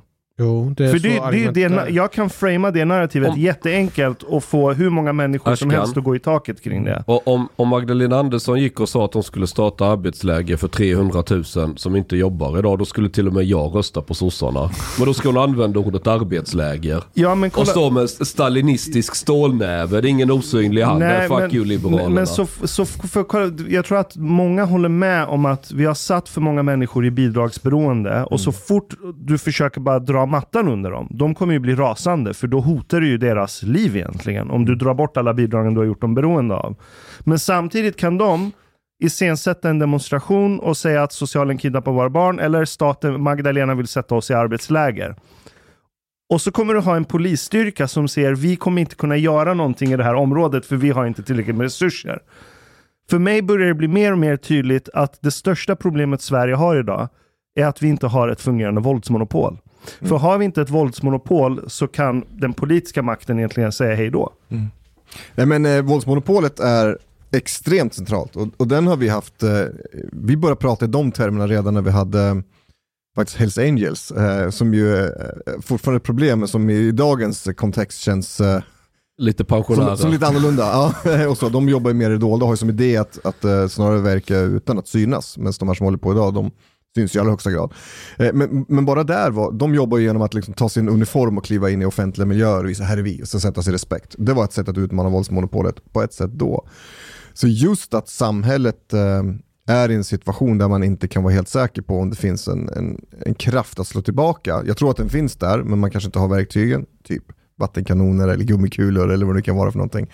Det kommer vara en, en, en ganska avgörande fråga under de kommande åren tror jag, där samhället kommer behöva visa vem det är som bestämmer. Alltså att det är det demokratiska samhället som, som sitter på kontrollen. Men nej, Det är otroligt viktigt. Sen tror jag, man, man, man blir lätt lite frustrerad och eh, panikslagen ibland. Eh, även om det är ett antal individer nu, fler än vad vi nog kanske skulle önska hoppas eh, och tro i ett sånt här läge som har skapat djävulskt med kaos i ett antal städer just nu. Så finns det ju otroligt många som kanske är i samma situation då, alltså det vill säga man lever i den här beskrivningen av, av parallella samhällen och allt vad det kan vara, som, som ju trots allt ändå aldrig skulle gå ut eh, och, och börja agera på det sättet, men som skulle vilja ha en sysselsättning om dagarna, vilja ha ett språk, vilja ha ett arbete, bli en del av svenska samhället. De är ju många, många fler, men de ser vi inte, de diskuterar vi inte. Absolut, men, men problemet är, jag skulle hävda att de flesta tycker att det är fel att staten tillåter att ja, Koran brännas. Även i de områdena. Av de här personerna? Ja, så kan det vara. Kan- det kan ni säkert, ni som har en annan bakgrund än vad jag eh, har i mångt och mycket, de flesta av er, bedöma på ett annat sätt. Eh, för det är klart att, att eh, det handlar ju någonstans i grundsyn om, om, om demokrati. Eh, Ja. Och det är klart att för många är ju då det svenska sättet att se på yttrandefrihet är ju, det är ju otroligt eh, öppet. Liksom. Men som man kommer från länder där det inte, inte konstigt med inskränkningar. Eh, även om man värdesätter den svenska demokratin. Och det är klart att i, utifrån en sån, sånt perspektiv så, så tror jag att det finns nog rätt många fler i den kategorin människor som tycker att det inte är så konstigt att vissa saker inte är tillåtna. Men vi har en hållning att i princip allt är tillåtet och skulle man gå över gränsen då får man testa det i domstol. Tycker Så det är klart att det finns ett glapp där, så är det. Mm. Ska det, ska det vara som ett hatbrott att bränna en helig skrift som Koranen? Fast ett hatbrott, det är väl, eh, eh, hur tycker jag då, utan att vara jurist. Det är om hets man, mot folkgrupp? Ja, men det- och, och hetsa mot en folkgrupp. Är muslimer en folkgrupp eller är det liksom en, en stor grupp människor som finns över jorden med otroligt vitt skilda uppfattningar och, och tro? Fast de har en bok Ja, de har en bok. Eh, som alla tror på. Men, men, Ja, men det finns ju tolkningar av den där boken som är väldigt, väldigt många. Men- Ja, det- men det är en bok. men det är inte hets mot folkgrupp dock. Nej, men jag undrar bara... Eh, Även de- Mot bokgrupp. jo, jo, men, men om, om man till exempel... eh, Svårt att säga att det skulle kunna vara hets mot folkgrupp. Nej, men, men polisen- domstolarna har, nej, vänta, men domstolarna har polis- redan sagt att de är, inte är där. Jag vet, Nej. men polisen har ju nu anmält eh, Ja, jag noterar det. Ja. Va, va, om jag frågar dig, va- varför tror du att man har gjort det? Det kan ju vara ett sätt att få saken prövad. Eh, Jag har inte satt Igen. mig in i den under, Igen. under dagen igen. Eller om man har sagt och gjort något någonstans som de man liksom anmäler den händelsen. För det kan ju, jag kan tänka, sk- skulle jag söka ett sånt tillstånd och hålla ett sånt där tal, det gäller ju att hålla tungan rätt i mun för att inte säga någonting som faktiskt blir de facto hets mot folkgrupp. Eh, och, och, och gör man det misstaget, ja men då öppnar man ju för en anmälan. Men det, så jag vet inte alls om det är det man riktar in sig på. Jag har ju safeat mig. Jag hetsar bara mot socialdemokrater på Twitter och det är ju ingen folkgrupp eh, i lagens mening. Nej, det är Så vi länge, inte. så. Nej. Men, men vad går, eh, Hanif, alltså om man bränner, eller man har, har hakkors, Mm. då är det hets mot folkgrupp, eller hur?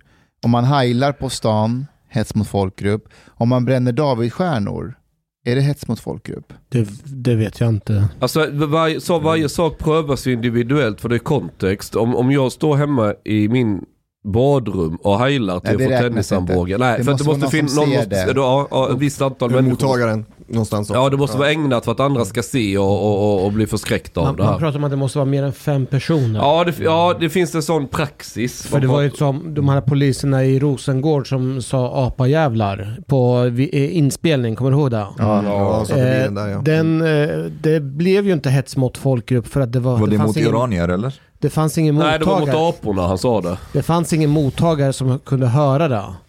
Eh, Så att eh, då föll den. Så att det måste ju vara någon som Men, identifierar och det måste vara en grupp om jag men sen måste vi ta kontexten där. Det var ju en försvarsadvokat som hade begärt ut precis allt i slasken och hittade det här i någon liten inspelning. Och, och så går de all in på det. För ja, försvarsadvokater gör vad de kan för att hjälpa sin klient.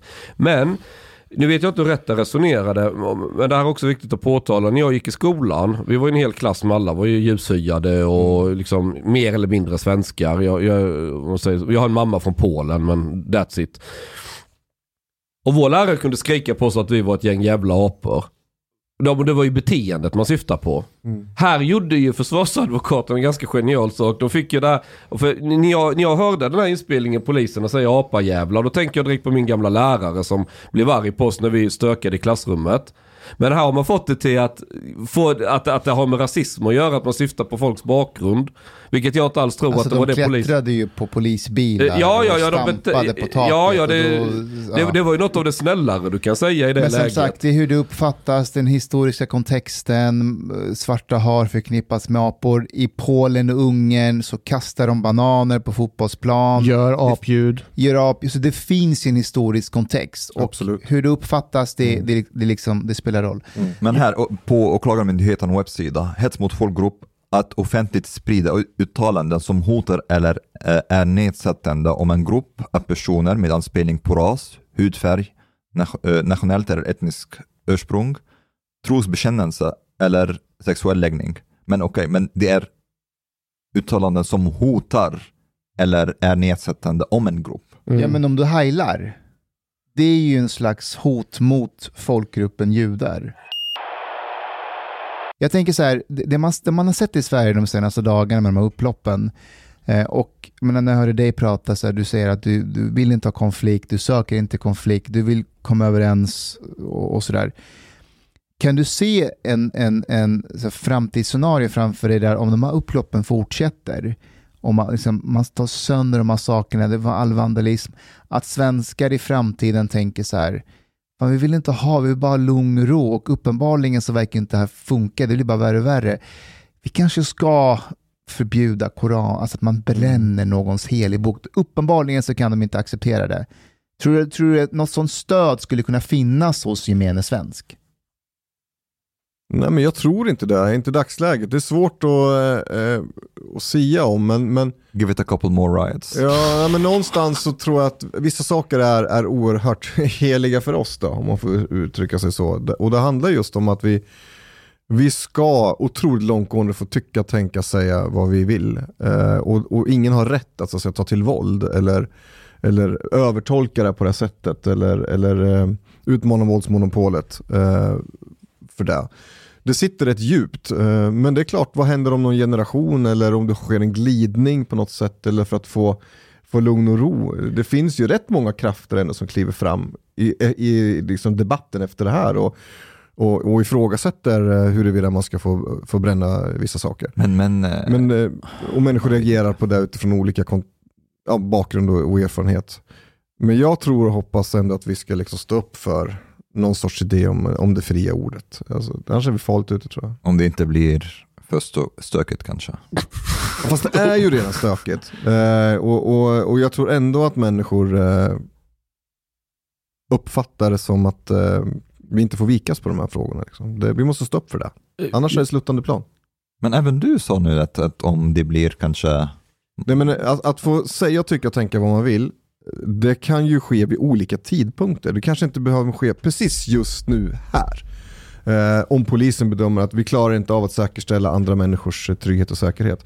Men det där man vill säga som är så jädra viktigt, hur korkat den är. Om man får säga det imorgon istället, eller om en vecka, då har du levt upp till, eh, eller på en annan plats, då har du levt upp till villkoren. Men då är det ju inte för att du eh, har en synpunkt på vad, vad det är för någonting du ska säga. Det, det kan man inte ens veta i, i förväg. Eller Att man vill, vill censurera eller på något sätt påverka budskapet. Utan då är det för att säkerställa att man inte förstör andras egendom eller, eller skadar... Eh, Men till exempel Norrköping och Linköping har bett polisen att inte ge tillstånd till, till Paludan i Mm. Östergötland. Mm. Inte, inte i, på, på vissa Alltså hela platser. Ja. Östergötland. Mm. Inte ens i någon skogsdunge liksom. Nej, ja, jag, ja, vi hade kravaller i Eskilstuna, eh, tror det var 2014 på första maj när svenska motståndsrörelsen hade ansökt om demonstrationstillstånd eh, samma dag som jag stod och höll tal i en annan ända av stan och de fick tillstånd och då kom det ju. Via sms-kedjor och annat, ett gäng sådana svartklädda individer som, och det var nog både, både vänsteraktivister och, och säkert eh, lite samma typ som var igång nu. Och gjorde stor skada, det var gatstenar och, eh, och, och hela kittet. Eh, också då, och, och jag reflekterar väldigt mycket över det där. Skulle man ha liksom gett dem tillstånd att eh, demonstrera eh, på samma dag eh, eller inte? Då visste polisen inte att det här ens kunde hända. De trodde att de hade kontroll på situationen. Och så.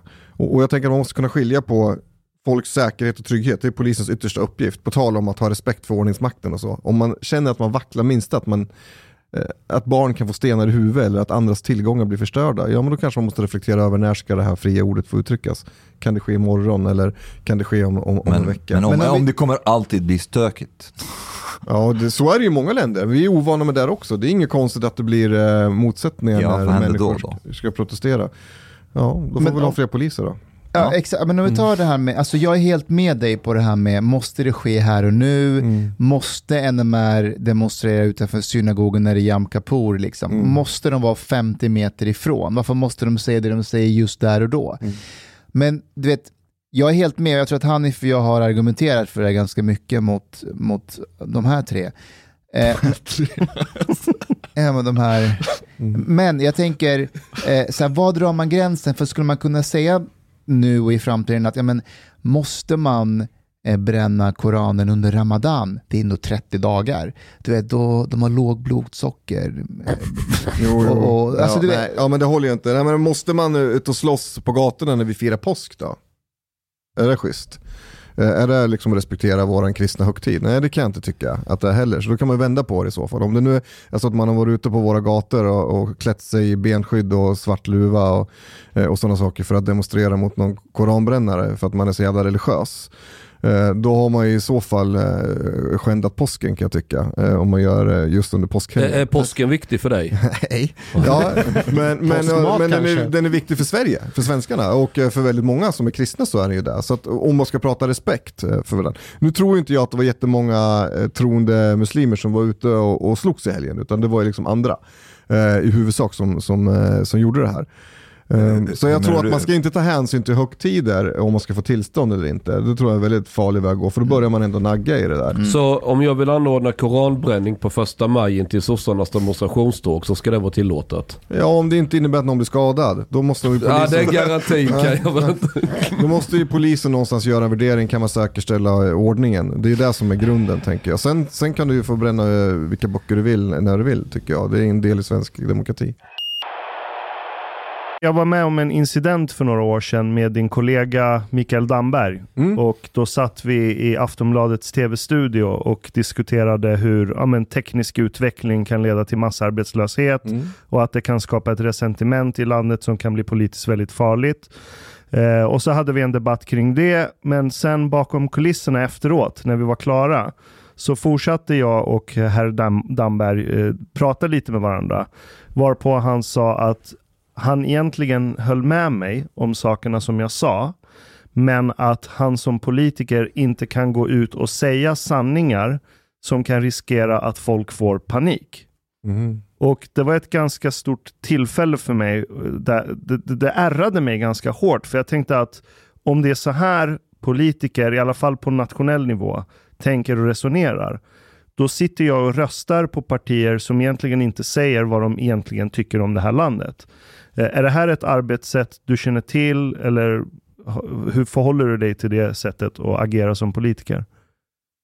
Nej, det, det är inget jag känner till och inget jag praktiserar heller. Jag tänker att man nog, eh, om jag ska gå till mig själv och hur jag resonerar bara, man kan säga, säga det mesta, man kan säga allt, men man kan välja sina ord, hur man uttrycker det. Eh, och jag tror att det är viktigt att försöka säga eh, allt och det mesta och vara rak och ärlig med det, även om sanningen så att säga svider.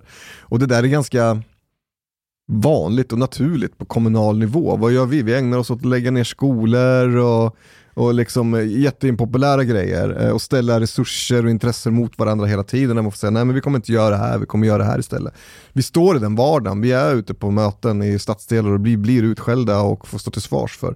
Vi kommer inte undan liksom, vi måste svara för det. Ja, men för jag tänker att om Damberg kunde säga någonting sånt om en utveckling som kanske har en horisont på 20-30 år och ändå inte vågar säga vad han egentligen tror för han är rädd för masspanik. Eh, Eh, då undrar ju jag såklart som väljare, potentiell väljare till Socialdemokraterna, Ja, eller, eller, eller något annat parti för den delen. Ni blir fler och fler, ni är välkomna. Vad är, vad är det politiker inte säger om saker som är ännu närmare Mm. nutiden? Till exempel de upploppen som vi har sett och de här utvecklingarna i våra etniska enklaver. Mm. Vad är det de inte, för det där är inte ens en laddad när det gäller arbetstillfällen och teknisk utveckling. Det har inte ens konnotationer kring rasism och sådana här saker. Nej, och det kommer nya jobb, så jag tror inte man behöver vara orolig heller. Eh, men vi måste utbilda oss för dem. Eh, nej, men jag tror inte att det finns någon lista, eh, åtminstone har inte jag någon sån, på grejer som man absolut inte får säga. Och jag kan inte svara för det där alls. Såklart. det låter inte Absolut. som han, som jag ska vara ärlig. Men, Aha. men, nej, men jag känner ju honom rätt väl, han brukar vara rätt fram liksom. Och så. Men är det konstigt? Alltså jag, det finns väl, alltså jag tänker mig som politiker för högsta ansvar så har man ju ett ansvar till skillnad från vad Chang känner. Men att har- vara, men att vara inte säga sanningen eller? Nej, men alltså, ibland, alltså, ibland så kan man som person de- tycka och tänka massor med grejer, men som är, så är man politiker, man är där i en ministerpost och man har en annan roll. Man måste ändå kunna skilja på de rollerna. Ja, han som, kan inte minister, säga till som minister är man ju ofta bakbunden, det ska man ju säga. Ja. Och vissa saker kan man definitivt, då då har jag sagt, skulle jag, jag har inga sådana planer alls, ska jag säga. men skulle man bli minister då skulle man bara ha en grundkurs i hur man inte hamnar i konstitutionsutskottet. För det verkar inte som man får göra någonting eh, förrän man blir liksom prickad eller anmäld eller, eller ministerstyre eller någonting sånt där. Eh, så det är klart, det där har ju ett ramverk som gör att man många gånger framstår som rätt eh, ja, men kraftlös i rollen som, som minister och du ska hålla dig till ditt område och, eh, och alltihopa det där. Sen kan ju sammanhanget, det är inte många gånger man får sitta i en podd och, och breda ut sig på det här sättet utan många gånger har du en minut på dig att försöka säga något vettigt. Om du bedömer att jag kan inte utveckla den här tanken på ett vettigt sätt som gör att mottagaren känner att man ändå fattar vad det handlar om, då är det bättre att låta bli. Så sånt kan också spela in och där har jag väl hamnat i sådana situationer där man har stått att kan jag göra ett intellektuellt vettigt resonemang kring det här? Nej, jag tar det en annan gång. Kanske skriver en långtext på Facebook till exempel. Men, men jag ser också Hannes poäng. Till exempel det är, det är svårt att minister ser till exempel att staten har tappat våldsmonopolet. Till exempel. Varför det? Men fan det, Men det är ju jätteenkelt för oppositionen att säga vad gör ni där då? Alltså det är ju en lek, katt och rått-lek lite hela tiden. Eh, du har opposition, oppositionen ska alltid tycka motsatsen av varandra. V- Vad är det för opposition i Eskilstuna? Eh, Eskilstuna styrs av eh, Socialdemokraterna, Centerpartiet och Moderaterna. Vi styr ihop. Aha. Och resten är opposition. Den oheligaste alliansen av dem alla. Ja, eller den bästa alliansen av dem alla. Oh, Funkar fint. Är det något du skulle kunna tänka dig på riksnivå? eh, att S och M tillsammans, i alla fall när de kommer till de här stora frågorna, att de... Ja, det skulle funka alldeles utmärkt tror jag. Men sen kräver det ju kompromisser och eftergifter. Så är det. Men att liksom ta tag i de här, det som vi har pratat om idag. Att hitta någon sorts riktning för Sverige där man både säkerställer en kvalitet på en välfärd och att människor inte konkurrerar sönder varandra med taskiga villkor. Men också att vi har stram migration och kravställande och, Eh, och de bitarna. Det är klart att SOM skulle kunna lägga fast en sån agenda och, och bara köra så här, åtta år, nu städar vi. Såklart, jag är helt övertygad om det. Sen vad väljarna skulle säga, skulle, skulle vänstern och Sverigedemokraterna eh, växa utav helsike eller vad händer liksom med oppositionen, lite grann din fråga. Den är, ju, den är ju relevant, men jag tror det skulle finnas acceptans för en sån, sån linje om man verkligen går in och säger vi gör det här under två mandatperioder till exempel och sen så går vi, går vi tillbaka till våra ursprungspositioner. Skulle det inte gå att få med sig mer eller mindre alla partier på en sån grej? Alltså, du måste ha en opposition, annars så blir det inget bra för demokratin. Däremot Fast vi så- har ju ingen opposition. Nej men det är oppositionens fel. Det kan ju inte Socialdemokraterna ta ansvar för. Eh, eh, Den var bra! utan, utan du behöver, du behöver ju... Du behöver Jag ju- gillar att han köper min, min, min, mitt narrativ direkt, att vi inte har en opposition. Ja, nej, men det håller jag med. Men, men, men grejen är den att eh, det, det står ju alltid andra partier fritt att stötta bra initiativ som regering tar såklart. Och ibland är man i opposition. Så det är klart att du skulle kunna hitta breda lösningar kring väldigt viktiga frågor, men inte i alla frågor. Nu Nu, kanske jag får nu ställa en du- fråga. Du Jimmy, du är nästan lika gammal som oss. Vad var det som an- äh, engagerade dig? Vad var det som gjorde att du är intresserad för politiken? Nästan lika ung som oss. Lika ung. Ja, det är bättre. Eh, nej, men jag är ju inte uppvuxen i något politiskt hem eller något sånt. Jag är klassisk arbetarhem såklart. Uh, morsan jobbar inom vården, har ett par år kvar, farsan är låsmed. Ehm, Vad jobbade du med när du var ung? ja, men jag är ju lärare i grunden. Jag, blivit, jag är grundskolelärare, det där pluggat till. Annars så har jag liksom varit vaktmästare och jobbat Vilka ämnen? samhällskunskap, historia, religion och geografi. Så, Mm. så det är min bakgrund. Ehm, men men ehm, ja, det handlar väl egentligen om 90-talskrisen, du vet när det jag pratade om för, när vi började. Om, eh, mina båda föräldrar blev arbetslösa, vi fick eh, sälja huset och flytta till Hälleforsnäs. Eh, Fick de skulder efter sig? Ja, lite, men det var väl hanterbart liksom. klarade det var det. nöd och näppe. Ehm, jag började reflektera ganska mycket över, en hårt arbetande arbetarklassfamilj i detta rika land, ska det vara så sårbart? Är det liksom, kan vi bättre? Jag tror vi kan bättre.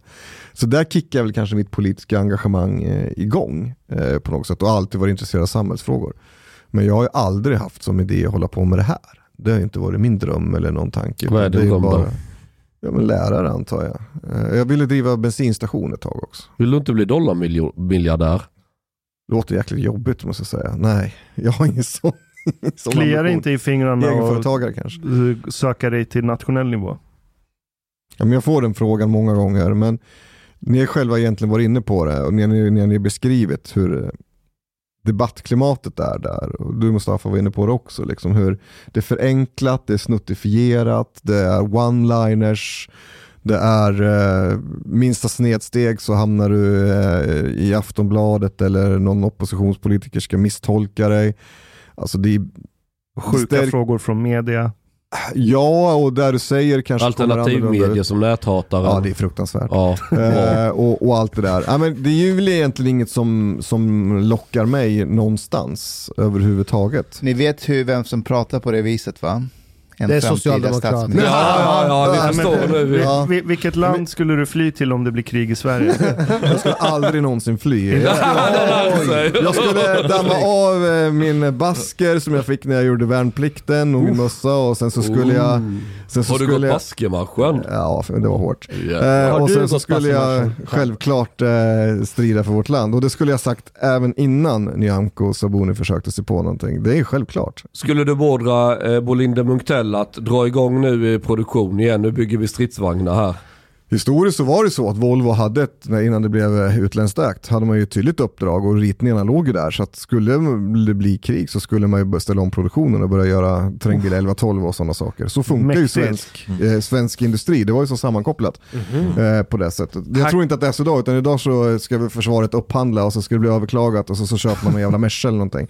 Eh, Här som- kan jag komma med lite till kuriosa. Sverige har ju utvecklat en, eh, vad heter det, indirekt eh, Archer heter den. Och den är byggd på en hjullastare från Volvo BM. Mm, bra grejer. Och du vet vilka jag menar va? Ja, jag vet Ja. inte. Ja. Vi hade ju vi hade försvarsindustri i Eskilstuna rätt länge. Gevärsfaktoriet började det med och sen FFV som det hette sista åren. Men den är borta idag, tyvärr. Men vad har ni någon industri kvar då? Ja, vi har massor. Vad? Volvo CE, Assa. Jaha, lå- lås... eh, Ja, och sen har vi ju nyetablering av industri. Vi har ju Senior, ett jättestort företag som eh, ska tillverka isolatorer till Northvolt. Som nu ska bygga en fabrik i Eskilstuna och som ska anställa minst 600 personer. Men det- har, har ni haft problem med det här att det inte finns tillräckligt med kapacitet i elnätet för nyetablering? Mm, vi ligger på gränsen men vi har klarat det hittills. Vi jobbar hårt med det. Men det funkar. Pratas det inom sossarna om det där? massor. Och? Vi, ja men alltså Det där, pratas. Ja, det Ja, pratas. det pratas. Nej, men där måste man ändå säga att vi, eh, Samordnas. att, eh, ja, men att vi har lyckats påverka ministrar till att eh, se över regelverk och annat. Vi har ju även- även myndigheterna som jobbar med de här frågorna. Energimarknadsinspektionen och Energimyndigheten finns i Eskilstuna. De har sina säten där så vi har rätt bra koll på frågorna även om de är objektiva så att säga, oavsett var de ligger. Men just att förenkla tillståndsprocessen för att bygga kraftledningar och de bitarna eh, som ju har blivit mycket enklare. Så att vi känner oss rätt trygga med att vi kommer klara elförsörjningen. Kommer vi bygga några mer Folkets park? Ja, vi har återinfört folkhemmet igen och fått ordning på alla bekymmer. Det är klart vi ska bygga Folkets park. Hej på dig, min vän. Lisna po mejnu. Du emiket fin menisza.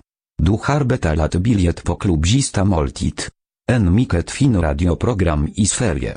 Tak vare deiso ardiet moilikt for grabarna at chopa kafe late ute potoriet. Betalar kningar. Chopa blut pudding til familien. Oka tunnelbana. Eller drika en kal norland zgult poute serviering, ibland. Dit bidrak jor grabarna miket glada. Dit stot jorzista moltit moilik, helt enkelt. Tak, minwen.